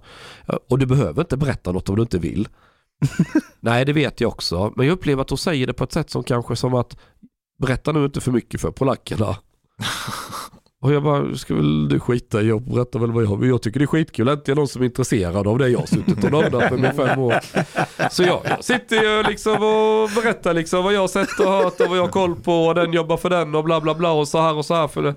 Och det var ju lite saker polackerna fått om bakfoten fick jag rätta dem på. Ja men så och så förhåller det sig. Och- Polsk underrättelse, Ja. de har fått saker till bakfoten. Ja, så att de, de blir ju helt så här liksom. Och jag säger, ja men mycket av det, jag har ju mycket bilder, videomaterial, bla bla bla, en massa saker ju. Och det har, jag skulle, skulle, skulle kunna ge det till er nu men telefonen fick, var ju tvungen att låsa in, han skulle kunna visa er. Men så sa jag till dem, men ta mitt telefonnummer, jag, jag ska förmodligen ändå ner till Polen och kolla på lite byggmaterial i höst. Jag kan ju bara droppa in dem och, och lämna det till er. and I'm imagining Shang, do you want do you want sex tapes with Russian diplomats? I have sex tapes. Nej, och då, eh, och då börjar hon eh, på svenska så här på Nej, nej, nej, vi går den formella vägen. Ja men det är väl formell väg om polska underrättelsetjänsten behöver något material som jag har. Och så kommer jag till polska underrättelsetjänsten och lämnar det här materialet. Hur, hur är det inte formellt? De måste skicka en nej. begäran. Nej, nej men vi, vi tar det, det formella genom oss och allting. Men vad har ni? Det är inte er utredning. Skit i det liksom menar jag. Fan ska de blanda sig i Vi det? använder bara era lokaler. Ja men det är inte jag som har... Nej, nej. Jag, jag, nu har jag en kontakt med de här polackerna, då kan jag väl prata direkt med dem ju. Vad, vad är liksom konstigheten? Sa de något om Nord Stream? Nej, Synd. Nej. Däremot så vet jag att de förhörde en till svensk när de var i Sverige. Och det roliga är att om någon på Säpo hör detta, då kommer de klia sig i huvudet och undra hur fan vet Chang det? Vem var det då? Hur vet Chang det? Jag kommer inte kommentera det. Han kanske har kontakt med den här personen. Ni är väl vänner? Är det, är det Patrik Oksanen? Det är det inte. Eh, men, men, eh, men, eh, ja skitsamma. Och sen då så var det sagt då att för sms från henne sen, kan, om du kan sätta ihop det här materialet. Jag har ju satt ihop materialet i en mapp. Uh, och ska lägga på en sticka då och ta med mig ner till Solna och liksom smsa med dem då ja. Bara, nej nej vi kommer till dig. Det var ju tydligen jätteviktigt och då kommer två stycken. Och jag fattar inte varför. Då var det fem minuter, bara ladda över på stickan och hej. Så att det var skitmärkligt. Så där, jag förstår inte varför de ska köra. De vill ju se var du bor. Men vad, Ja, men stoppar det är de för- in sina grejer i din dator? Ja, utan samtycke. men hon, hon öppnade faktiskt USB i en obruten förpackning. Men det är bara bullshit ju. De Det, är spioner, de kan Ja. fejka sånt. De lägger in någon så här mm, trojan i din, i din ja, dator. det får de väl göra då. Men, men eh, ja, så det var ju typ... Fick du gott intryck av Säpo? När du var där, Alltså när när jag sticker och snackar med polack, jag märker ju att hon, hon får svenska, hon har ingen aning om vad fan vi pratar om ju. Pratar du ryska? Nej, jag... Men vi pratar om massa perso- olika personer. Eh, olika så här områden i, i Moskva, ett som heter Rubljovka. Bla bla bla och då vet ju de exakt vad jag pratar om medan hon bara, hon hänger ju inte med. Hon vet ju inte som om svenska Säpo har koll på ryssarna. Vad fan tror ni? Men om jag hade öppnat den här USB-stickan och bläddrat igenom materialet lite grann, vad hade jag kunnat se på den? Jag har en del grejer här i telefonen. Nu är det en person till som är intresserad av det du har hållit på med. The sex tapes. Det är Sex, sex tapes ja. Nej men jag, för de undrar ju till exempel, vad är de, på vilka ställen har jag träffat den här killen Janusz? Jag har träffat han i Moskva, jag har träffat han i Warszawa, jag har träffat han i Wien i Österrike. Och när jag åkte till Wien i Österrike var det lite småroligt för att då var det Det var ju på eh, ryssträff på ett palats. Med diverse skum, skumt folk. But, but you know, Chang, like from with all your contacts and all, all what you've been doing, from an outsider's perspective, it looks pretty fishy. You're like, this guy is up to something. Nej, alltså, jag, har ingen, jag har ingen sån här direkt plan eller idé Inte Yeah, än. I know, I know you. But I mean, like, if somebody looking from the outside, you getting in contact with all these people, going to Moscow, Warsaw, and so on, like, you're like, huh, what's this guy up to, really? Jaha, ja det får de väl tycka. Jag vet inte vad, vad ska jag göra åt det. Skiter väl jag i. Jag är alltså, You're, you're de, like de, this. de bästa storiesarna, de roligaste sakerna man skriver. De, och- och jag har ju jättemycket grejer som aldrig skrivs heller för man tycker kanske inte det passar som en artikel men det är ändå en kul story. Det är ju när man beger sig iväg, när du träffar folk och kastar in dig i nya miljöer. Det- Alltså det, det, det är då the shit happens. Liksom, och, och, och det fick jag lära mig av det är framförallt Ola Sandstig. Han har jobbat på Uppdrag granskning och journalist och var, han tryckte mycket på det med mig att bli aldrig att fastna vid skrivbordet. Alltid be dig ut, träffa människor. Då kommer de här guldklimparna, det är då man hittar dem. Hanif, you had uh, some problem that maybe you want to talk about. Eller? Ja, ja. Nej, men, eh, jag tog upp det förut att eh, jag hade hamnat i en konflikt med en kompis. Varför? Det började egentligen med den här Nobelfestmiddagen festmiddagen som... Fick du ja, ingen inbjudan? Nej, jag blev jävligt kränkt. Nej men eh, jag postade på Instagram att det var, eh, vad heter det, iranska ambassadören skulle få komma men inte Jimmy Åkesson. Och jag tycker det var bara dubbelmoral. Så jag postade på Instagram och sen så var det en eh, nära vän som jag lärt känna nyligen som eh, reagerade på det och tyckte att det var väldigt, väldigt bra att just eh, Jimmy inte fick komma för han är en så fruktansvärd person och han står för väldigt han står för eh, men, extrema värderingar som, i, som inte borde finnas i vårt demokratiska samhälle. Men Irans ambassadör däremot. Exakt, och det var det som var min tes. Så jag bara ställde så här följdfrågor kring, men vad, vad är det som är så extremt? Vad är det för värderingar som är det största problemet liksom, med just SD? Och då kom vi in på just exkludering av människor. Att man, eh, när man exkluderar människor, att man begränsar rör, rörelsefriheten, det är i grunden en extrem tanke och åsikt. Eh, Världen borde ju vara så att människor får röra sig fritt hur de vill. So open borders is not extreme.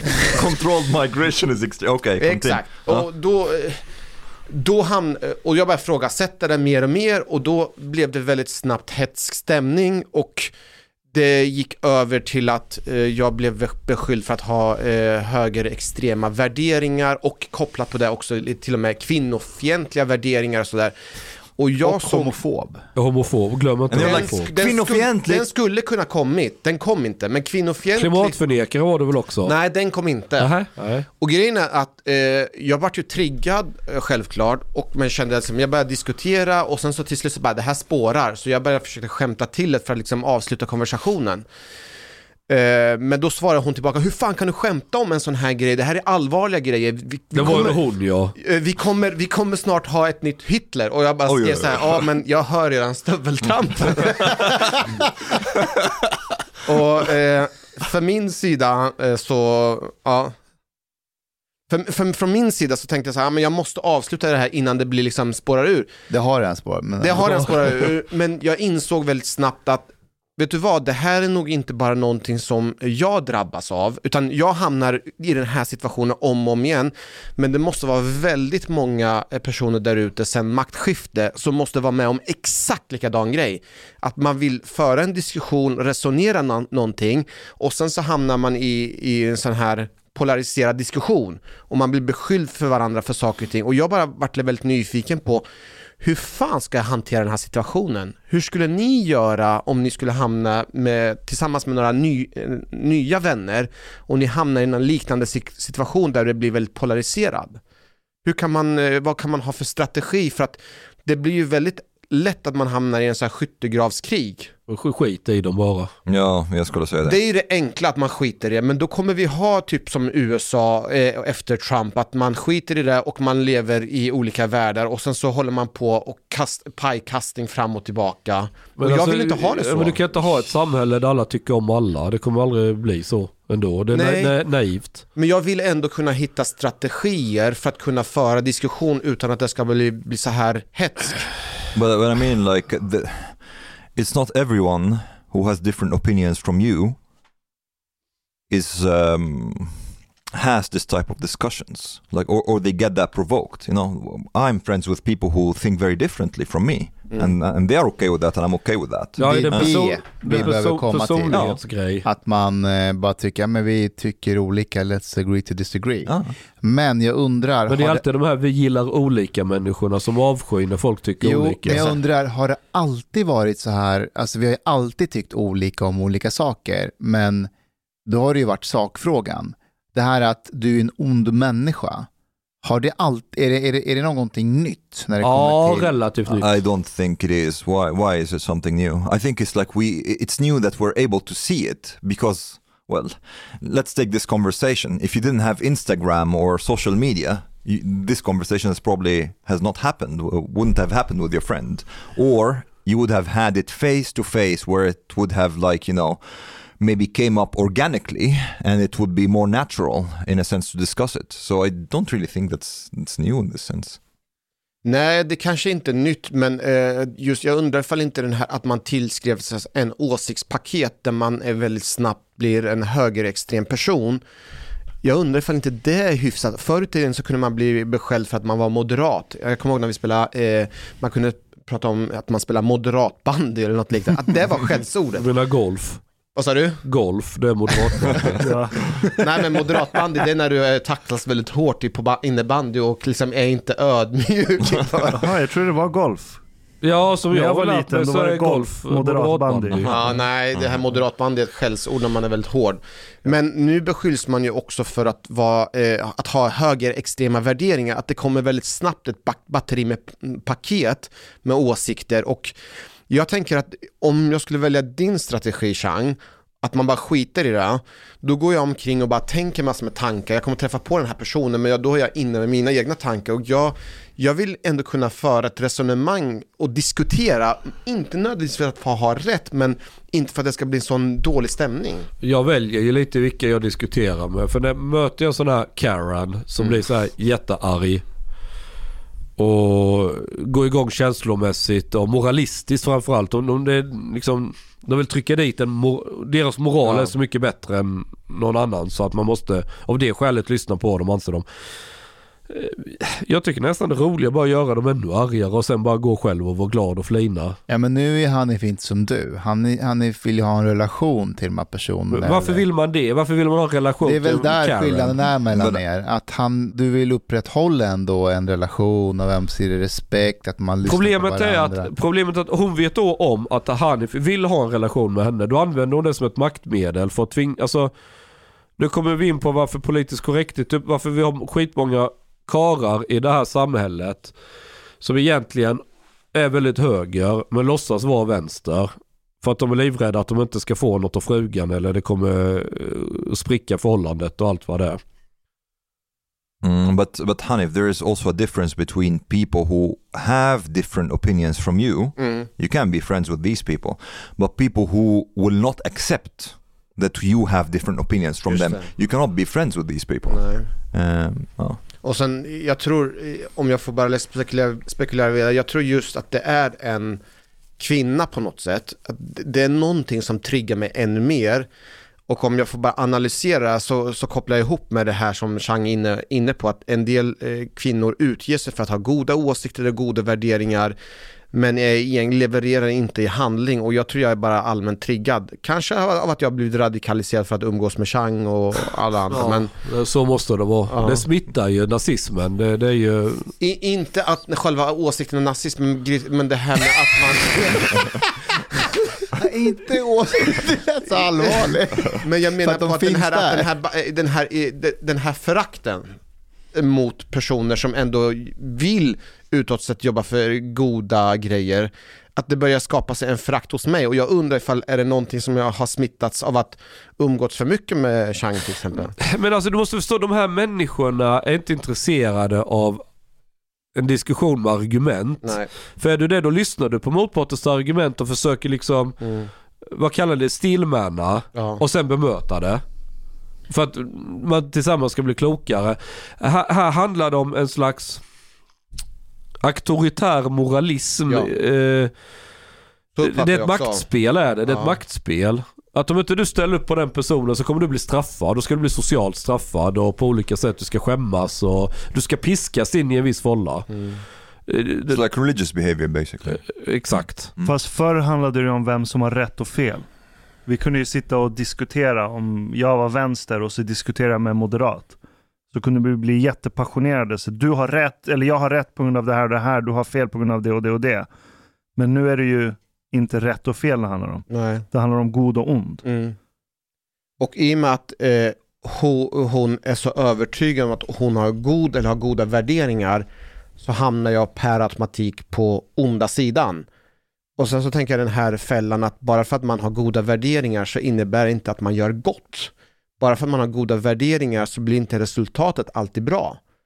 Eller hur? Men får jag säga så här, har inte, det här, har inte också hela diskursen eh, ändrats med politik och de här ämnena? Om vi tar vårt favoritland USA.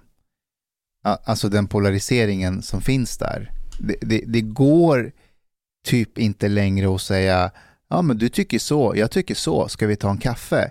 Det, det, därför att personen som tycker annorlunda eh, framför dig säger att valet var riggat eh, din, min sida vann egentligen.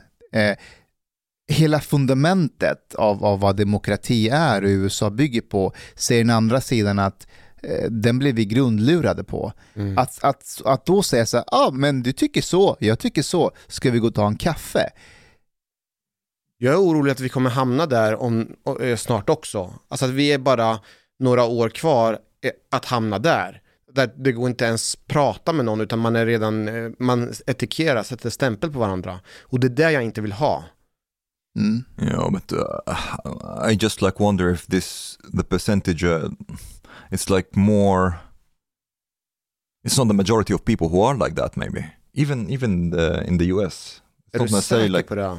Att det, det här är inte ett större problem, att det här är bara en, en fraktion av... Men om det inte är sant, då, då borde Trump vara borta för länge sedan. Att han Ja. nu inom loppet av några dagar kommer gå ut och säga så här, hörni, jag ställer upp i presidentvalet. Det, det ska vara så ointressant som möjligt, men det är det ju inte, det är tvärtom. Okay, Not necessarily.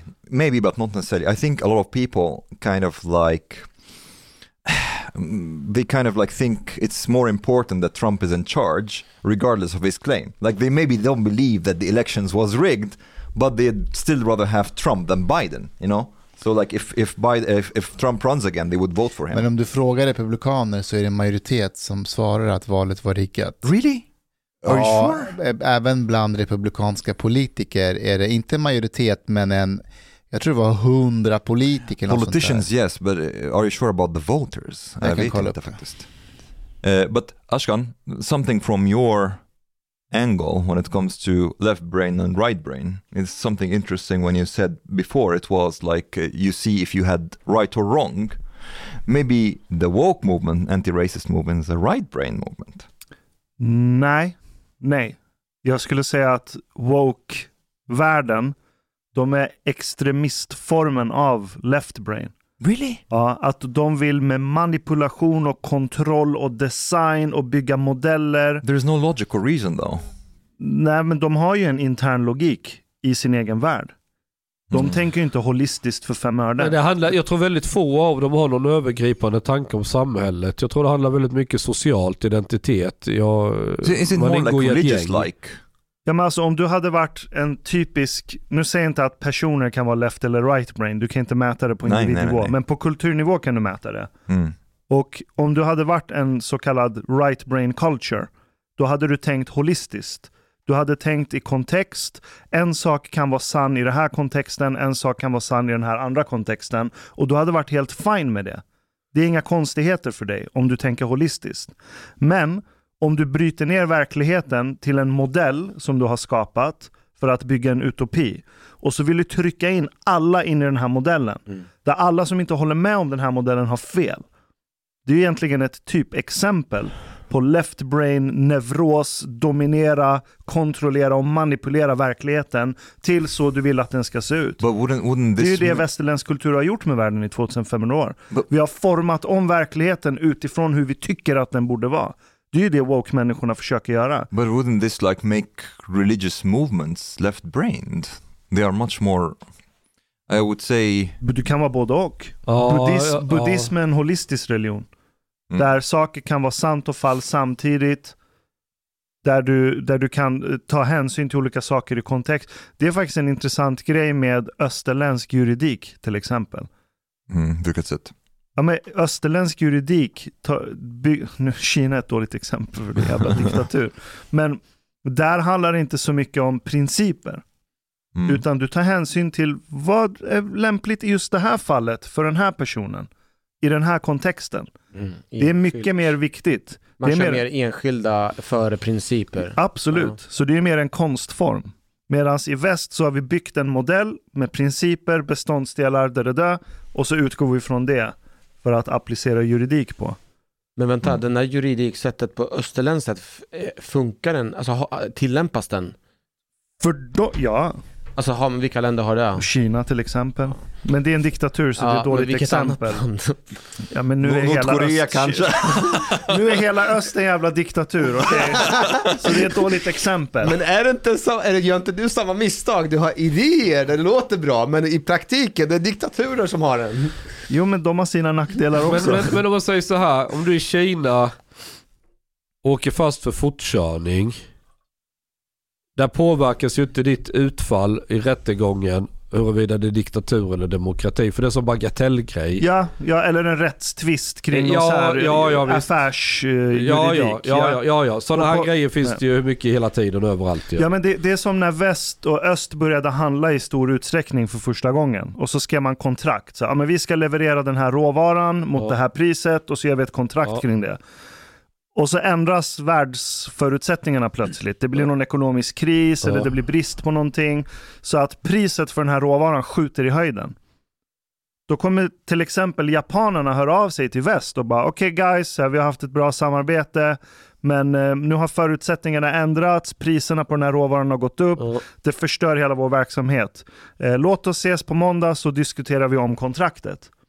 Det är inte en konstig sak att göra i Japan. Nej. Medan för en typisk västerlänning så blir de så här, Va, vad snackar du om? Ni har skrivit på, det är det här kontraktet som gäller, punkt slut. Ja. Giften gäller. Yes. ja, då ska japanerna ska ta risken i och med att de har skrivit under. Exakt. Medan en typisk japan tänker att, nej men vadå, kontexten har ändrats, då måste vårt, vår Ja, då ska, det, då överenskommelse ska det också ändras. skrivas i avtalet att detta är kontextbundet. Enligt en västerlänning Ja. Men ja. där tar man det för givet. Ja. Vad, vadå, är ni, liksom, är ni råautister? Kom Ja, igen, kontexten ja. har ändrats, varför håller ni på så här för? Så- så- Vill ni oss illa? Är ni taskiga? Västerländsk juridik är extremt autistisk. Yes, yes. Och woke-rörelsen, det är därför jag inte ser dem alls som någon sorts holistisk världsbild. Tvärtom, de är ännu mer utopianer. De vill ännu mer stöpa om verkligheten utifrån en bild, en modell de har fått i huvudet. Jag kommer Mm. ihåg i den här diskussionen, jag pratade om så här, idén om människor får röra sig över hela jordklotet. Jag, jag empatiserar med det, det är en jä- jättefin tanke och eh, i den bästa världen absolut. Men in, det funkar inte på vårat modell, våra modell och framförallt när vi har eh, den här välfärdsmodellen. It can work without welfare system perhaps. Och eh, vad då välfärd? Jo men du vet vi betalar skatt och vi gör det hela andra. Vadå? Eh, ja, då, det, det är lite grann, det, det slår slint för att man har, man har en idé, men man, den är inte liksom helt och hållet förankrad. Liksom. Nej men du har ju tänkt på de här högerextrema tankarna länge. Det har ju inte hon. Nej, så. Och nu, nu exponerar du henne för de här tankarna. You will be eventually radicalized. Ja, men hur som helst, eh, 61% av eh, amerikaner säger att eh, valet gick okej till. Oh, Eh, Shit. Nej, alltså att det gick okej till. Ja. Okej. 60, ja. Det blir för låg Och, siffra. och att eh, Trump inte ska ställa upp i nästa val, tycker de, 61%. Men 55% av republikaner säger att valet var riggat. Men vänta, vänta. 55% av republikaner? Republikaner. Aha, okay. Ja. So 45% of them, they, they say it was not. Ja, it's, it's still like a, Ja, eller de- it's a, it's a eller- worrying eller number, de har yeah, but at least like not everybody Fast, fast 85% av republikaner vill fortfarande ha Trump som president. there. But, but this was my point. Mm. Like uh, maybe like the like a big portion of them don't think that the elections like were Mm. uh, were rigged, but they still think that. Mm. I Okej, think it så, would be funnier if Trump uh, wins than compared with Biden. så du menar, ja, min okunskap, men när eh, Trump var i makten, han var i fyra år, eller var han åtta? Fyra, Fyra. år. Fyra. Fyra. Vad åstadkom han under den tiden? Alltså, som, var på, som amerikanerna, det här är det positiva med USA. Han, fick ju, han fokuserade mycket på industribältet, eller rostbältet som han kallar det. Han, fick ju, han tvingade ju tillbaka mycket industrier tillbaka i, i USA. Kort sagt, ekonomin gick väldigt bra Ekonomin gick bra, mycket, och det But, gynnade but framförallt arbetarklass. because of him. Men det är det, det Ja, spelar Det, kan ha korrelerat En bara. del saker han gjorde var väldigt inriktat mot... Så han, han, han gjorde många saker som helt uppenbart var försök att gynna arbetarklassen. De ska ha bättre, mer jobb och hela den här biten. Sen att de fick mer jobb, om det verkligen kausalt berodde på Trumps åtgärder eller på bara tillfälligheter, det kan inte jag svara på. Politikerna i USA fattar att vanliga väljare bryr sig inte så mycket om politik och att de ska prata med dem på ett språk så, så att de förstår. Nu så säger många väljare i USA, ekonomin är dålig och vi har den här presidenten. Och de säger så här, ekonomin brukar generellt vara bra när vi har en republikansk president. Och då röstar man på den republikanska kandidaten. Inte för att man har tänkt igenom korrelationer och kausalitet, utan så här, ekonomin är dålig nu, vi behöver en förändring. Well, the, the thing is, the economy in, in, in the US is actually pretty good right now. Like they have like a record low uh, unemployment rate. Labor market is very strong. The the thing that is bad is just inflation, which is a big problem. But if Trump wins, it's probably the fault of the Federal Reserve because they waited like a fucking year before they started to raise interest rate to like try to rein in the inflation. Um, Hur det ser ut med just eh, energipriserna och sånt, de drabbas inte. Inte lika mycket som eh, i, här i Europa i alla fall. Har de, har de mycket kärnkraft i USA eller? Eller har man, vad, eller hur funkar det där? Det är väl inte elen som är det stora problemet. Det är bensinen. men det är diesel och bensin. Mhm. Men det, det är roligt att se Biden nu, eh, hur han pratade för ett tag sedan nu eh, om, om inflationen. I början var han väldigt säker att vi har ingen inflation, den är övergående, den kommer över om någon månad. Och sen bara, okej, inflationen är här, men det, det, är bara, det är bara en tillfällighet. Och nu säger han så här, vi ser vissa tecken på att inflationen kanske håller på att avmattas. Så om man säger så som president, då har vi fucking problem med inflation i ett land. Och de säger också, eh, många så här, eh, demokrater, att ingen visste vad inflation var förrän republikanerna började prata om inflationen. För det har aldrig hänt förr i världshistorien. Nej, Men det är, alltså USA har ju finansierat sig genom att konstant öka penningmängden och det är ganska jävla dramatiskt. Hur fan kan de komma undan med att göra det? Varför kan inte alla andra göra det? Men vi också ökat penningmängden i Sverige. Men är det inte så att när, när vi ökar så är det liksom att man, alltså det, det, det liksom går att tracka, att man ser serienummer på eh, valutasedlarna och vilket gör Och att... det gör det ju i USA med. Det Well, med th- this, Ja, is why, this why money is an illusion because basically governments they just print it out. Ja, alltså, det monet, alltså när vi frångick guldmyntfoten så har vi ett väldigt, alltså det är Keynes ekonomiska modell. Eh, När du skapar pengar. Alltså, om jag ger 100 kronor till Hanif så ger jag inte ett positivt värde till Hanif. Det är en skuldsedel. Pengar är skuld. Vi, vi, alltså, vi, vi handlar med skuld. När du går och tar ett banklån Mm. för att köpa en bostadsrätt, då trycker de pengar. Det är pengar som inte finns. Ja, som skapas. Jo, men är det inte så att de pengarna som inte finns, men ändå att man har ändå eh, en, eh, alltså att det är liksom det är uträknat hur mycket man tryck, trycker? Ja, det finns regler för hur mycket du får skapa ur det tomma intet. Ja. Men det skapas ur det tomma intet. Ja. Ja, men så, så långt är jag med och det gör ju så, småningom att värdet på eh, värdet minskar. Yes. Ju mer du trycker, desto mindre Ja. får du i värde. Så det, och det betyder att de som får tag på de färska pengarna först, de drabbas minst av inflation. Om du there's kan- another thing, oh förlåt. Nej, men om du kan ta en stor kredit, då har du ju fått tag på krediten innan kreditens inflationseffekter har påverkat ekonomin. Men det finns, det finns en annan sak här. Det är Eh, därför inflation är en sorts skatt. Modellen bygger på att genom att skapa pengar tomma intet och du lånar ut det till industriproduktion då kan den accelerera och snabbare växa vilket Just gör att det. den ökar produktiviteten. Ja. Och då går det jämnt steg med ökad penningvärd, eh, penningmängd vilket försvarar doll, eller dollarn eller vad det nu är, fiatvalutans värde. Det är tanken ja. Ja, det är tanken. Men tittar vi i Sverige, vi har inte blivit mycket produktivare. Vi bygger inte ännu bättre bilar än vad vi gjorde. Ja, något bättre, men inte så dramatiskt. Utan vad är det som har gjort att vi, eh, eh, vad är det som har ökat så mycket i värde? Husen. Bostäder. Ja, bostäder. Ja, men har de blivit så mycket bättre att bo i? Nej, de har inte förändrats. Så det är spekulativt. Så, eh, och det, har man, det, har väl, det hände väl i USA också innan. Mm. And one more thing also about the dollar. It's um, there's a very big international demand for the dollar because it's the trade currency. So basically, all the most of the imports and, and exports are in in in dollar. Um, and well, mm, oil and and Så länge du kan stuff. köpa olja för dollar så har ju dollarn ett eh, ganska bra värde. Nu Mm. håller ju ryssarna håller på att bygga ett eget system där man handlar med kinesiska yan eller rubel eller något annat. Så fick du svar på din fråga om hur du ska bemöta din vän.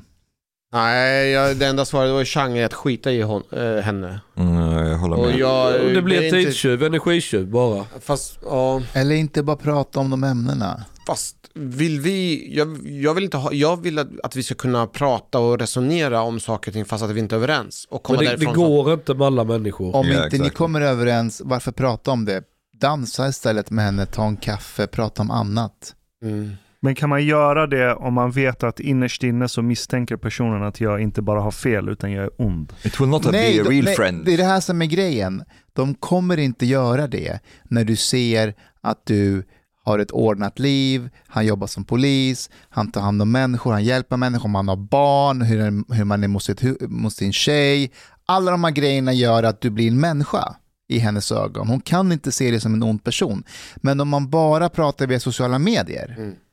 Då är det där borta. Då har du ett monster på andra sidan. Mm. Mm. Jag hade ju en, en strategi som jag tänkte att det skulle kunna funka. Det är att istället för att prata om saker och ting som man inte är överens om, det är att försöka prata om saker och ting som man är överens om. Det, det var det mest svenska jag har.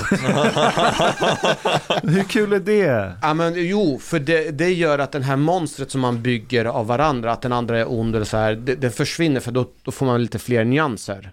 But Hanif, why do you care so much? Ehm, jo, för att jag värdesätter vänskapet. Och eh, det, dels det, jag, tänk, jag vill inte bara diskvalificera, om jag eh, har skapat relation med någon och är vän, jag vill inte bara klippa bandet. För mig är det viktigare att liksom, eh, liksom bevara vänskapet, för att det är bara en del, det är bara en liten del som skaver. Det är bara en liten del hon tycker att du är ond och högerextrem. Ja, det är inte så att hon har sagt att jag är ond och jag är högerextrem, men det är hon... Jag, jag tänker mig att hon tänker bara så för att hon inte har andra verktyg att röra sig med och det är därför hon säger så, för att hon har inte van att föra diskussionen och ju mer vi pratar, ju mer vi diskuterar, desto mer nyanser ser vi.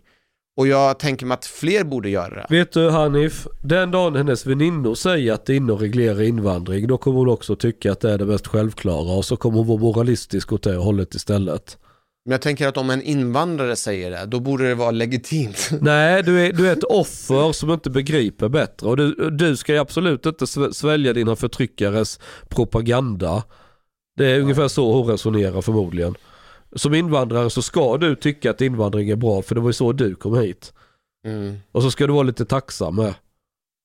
Det är en kamp mellan godhet och ondska. mm, som jag inte kommer vinna. Nope. Hej på dig, min vän. Lyssna på mig nu. Du är mycket fin människa. Du har betalat bilet på klubbzista måltid. En mycket fin radioprogram i Sverige. Tack vare dig så är det möjligt för grabbarna att shoppa kaffe latte ute på torget. Betalar kningar. Shoppa blodpudding till familjen. Åka tunnelbana. Eller dricka en kall Norrlands guld på uteservering. Ibland. Dit bidrag gör grabbarna mycket glada. Dit stot gör sista måltid möjlig, helt enkelt. Tack, min vän.